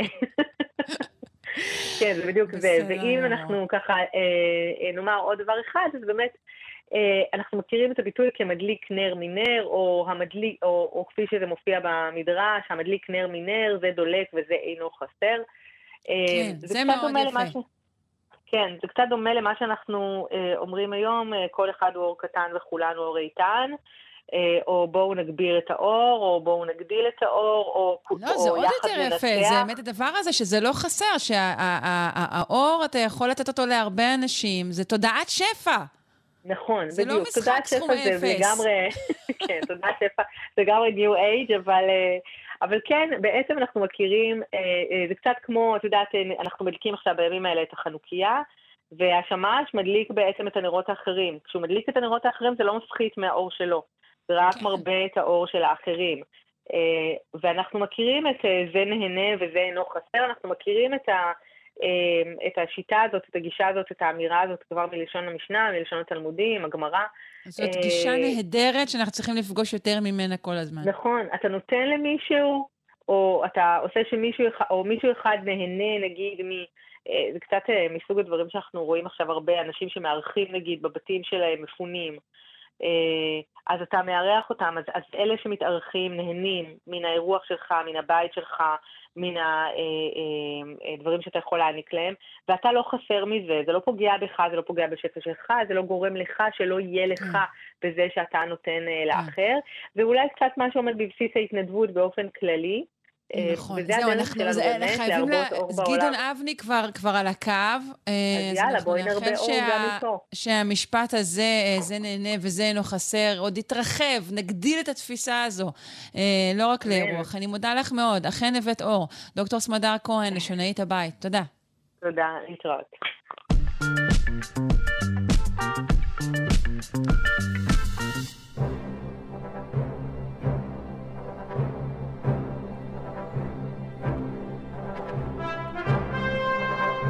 אנחנו ממשיכים uh, לציין uh, את uh, חג החנוכה בדרכנו. תשמעו, אני לא יודעת מה איתכם, אני עזבתי ידיים השנה. אכלתי כל כך הרבה לביבות וסופגניות, שלמעשה יכולתי כבר פשוט לשתות שמן, וזהו, זה היה בערך אותו אפקט. אנחנו רוצים להקדיש את פינת הארכיאולוגיה השבוע לנוזל הזה, שהופך כל אוכל לטעים יותר. כמובן, שמן. נפנה לפרופסור גדעון אבני, המדען הראשי של רשות העתיקות. שלום. שלום, בוקר טוב. בוקר אור. אז אה, איך בעצם, ממתי אנחנו משתמשים בכלל בשמן? ממתי יש לנו עדויות אה, לשימוש בשמן? או, אז זה אה, באמת לוקח אותנו לסיפור מעניין, אה, של אפשר לקרוא לו אה, אנחנו והשמן. אה, זה אחלה בסלט, זה לטגן, זה, דיברתם קודם על אור, הקשר בין שמן לאור מובהק. אבל אם רוצים לחזור ולהגיד, אוקיי, איפה הכל התחיל, אז uh, כמו, uh, אני חושב, דיברנו על כמה מוצרים שההתחלה שלהם היא ממש ממש באזור שלנו. Uh, וכך גם עם, לא השמן ישירות, אלא הזית, שהוא כידוע הגידול שממנו מפיקים את הכמות אולי הגדולה ביותר של שמן בוודאי למאכל. וגם הזית הולך לאזור שלנו. אנחנו חוזרים אחורה משהו כמו 7,000 שנה. אה, ויש הוכחות אה, חדשות ממש מהשנים האחרונות שמראות שהביות הראשון של הזית אה, התרחש כאן בארץ ישראל, בגליל, בשומרון, ביהודה, סביב, אנחנו מדברים על התקופה הנאוליתית המאוחרת, סדר גודל של 7,000 שנה לפני זמננו, קצת יותר, ומעניין איך, איך יודעים את זה, כי אנחנו מזהים את זה חוקרים מאוניברסיטת תל אביב, דפנה לנדוט אה, אה, מובילה את המחקר הזה. אנחנו מזהים את זה לפי עלייה מאוד משמעותית בכמות של גרגירי האבקה, של הפולן, שמוצאים בשכבות מאותה תקופה. פתאום, תוך פרק זמן קצר, התושבים הקדומים של ארץ ישראל גילו את הזית, מתחילים אה, לגדל בעצמם אה, זיתים, כמות גרגירי האבקה עולה פי חמש או שש, ומהנקודה הזאת והלאה בעצם הזית ובעקבותיו השמן נכנסים לחיים שלנו. יש לנו עדויות להפקת שמן, לקטישה של זיתים כבר בתקופה הזאת, אתרים באזור חיפה, כפר סמיר, עתלית, ומהר מאוד השמן הופך למוצר מאוד בסיסי בכל ים התיכון. עד ימינו, ספרו לאחרונה כמות של כמעט 800 מיליון עצי זית שנמצאים במרחב הזה של הים התיכון, אצלנו בספרד, באיטליה, במרוקו, שהיא יצואנית ענקית של שמן. וזה מוביל לסדרה שלמה של שאלות, שבסופו של דבר גם לוקחת אותנו לחנוכה, נס פח השמן, למה היו צריכים את השמן הזה? זה לא שמן למאכל, זה למאור. והשימושים באמת של השמן הם מאוד מאוד מגוונים. קודם כל כמובן באוכל, אחלה בסלט, מוצר מאוד בסיסי בהרבה מאוד מאכלים. גם בתחומים שונים של רפואה, אבל השימוש של שמן לתאורה נפוץ כבר בתקופות הקדומות ביותר. כל נרות השמן שאנחנו מכירים בממצא הארכיאולוגי לכל אורך התקופות, השמן שימש כגוף מרכזי לתאורה. אם אנחנו לוקחים נגיד עיר ממוצעת של התקופה ההלניסטית, רומית בארץ, נגיד 50 אלף תושבים, כמות השמן למאור שיישוב כזה צורך היא ענקית. וזה כמובן אחרי שהשתמשו בשמן למאכל. ואז יוצאים לכל מיני חישובים, כמה שמן צרך בן אדם ממוצע בשנה. אנחנו מדברים שוב על ימי בית שני, על התקופה הביזנטית. מגיעים לערכים של כ-20 ליטר. משווים את זה להיום, זה המון. אני לא חושב שמישהו צורך ג'ריקן שלם של ליטר בשנה עם כל מה שאנחנו עושים היום. אבל אלה היו... אני לא חושב, אוקיי. תלוי בדיאטה. שאלה בדיאטה של הבן אדם. אוקיי. אבל בכל אופן הכמויות הן ענקיות, ועדיין הייצור של השמן הוא עולה על הצריכה של האוכלוסייה המקומית. איך יודעים את זה? שוב, יש הרבה מאוד חפירות שבהם מוצאים את בתי הבד, המתקנים שבהם מפיקים את השמן, ודרך אגב, הבד זה לא הבד של הבגד או משהו דומה לזה. ברור, בית בד. זה הקורה, והבד זה קורת העץ הגדולה ששימשה בתהליך ההפקה. ואז כשמחשבים כמה שמן יכול יישוב כפרי כזה, נגיד בשפלת יהודה או בשומרון לייצר, מגיעים לערכי ייצור של בערך פי שלוש או פי ארבע ממה שכל האוכלוסייה צרכה. ובאמת חלק גדול מהשמן הלך לייצור, או למרכזים עירוניים כמו ירושלים, בית המקדש, או למקומות אחרים, למשל במצרים מאוד מאוד אהבו את השמן שהגיע מארץ ישראל. בהרבה מאוד תקופות, ובעיקר בתקופה הביזנטית, יש מסמכים שמפארים את השמן הארץ ישראלי בתור אחד המוצרים האיכותיים ביותר, אנחנו מדברים על מצרים, בתור מי שקיבל את משלוחי השמן הללו מהארץ. זאת אומרת, זה גם מרכיב במזון, גם מרכיב כלכלי מאוד מאוד חשוב, וגם בעצם תעשייה שלמה שמלווה את ארץ ישראל כבר אלפי שנים ומגיעה לשיא הפריחה שלה, אפשר להגיד, באמת בימי בית שני, בתקופה הרומית המאוחרת, בתקופה הביזנטית, ויש לנו המון עדויות. גם בממצא אנחנו מדברים על סדרי גודל של מאות אתרי הפקה לשמן. וגם כמו שאמרתי, במסמכים, ענף כלכלי מוביל בארץ, את השרידים שלו אפשר לראות מי שמטייל היום בגליל, בבדיקת בית הכרם למשל, הוא יכול לראות את עצי הזית המאוד מאוד עתיקים, ניסו גם לתארך, חלק מהם הגיעו לעץ שממשיך להתקיים באותו מקום במשך 1,500 או 2,000 שנה. שואו. אחד המפורסמים שבהם נמצא בירושלים, בכנסייה בגצמנים, גם כן, שם שלוקח כן. אותנו בקשר לשמן, ובאמת הניסיון ללכת אחורה ולגלות עד מתי נטעו את העצים האלה, אנחנו מדברים שוב על איזשהו קשר ישיר לימי בית שני, והאם כן. רוצים, הנה זה שוב לוקח אותנו חזרה לסיפור המקדש ונס אה, פח השמן. דרך אגב, הסיפור הזה הוא בכלל מאוחר, הוא לא ממקורות כן, מהתקופה. כן, אנחנו צריכים לסיים כרגע, תמיד הפינה שלך שם בסוף, אני צריכה להיפרד ממך כרגע. תודה רבה, פרופ' גדעון אבני, המדען הראשי של רשות העתיקות. תודה רבה. תודה ולהתראות. המשך חג טוב, להתראות. ביי. עד כאן אה, מאיתנו, שלושה שיודעים. תודה רבה לאלכס לויקר, לביביאנה דייט של העריכה, ההפקה של תמר בנימין, דימה קרנצוב היה על הביצוע הטכני. עד כאן ממני, שרון קנטור להיום. להתראות. אתן מאזינות ואתם מאזינים לכאן הסכתים. כאן הסכתים, הפודקאסטים של תאגיד השידור הישראלי.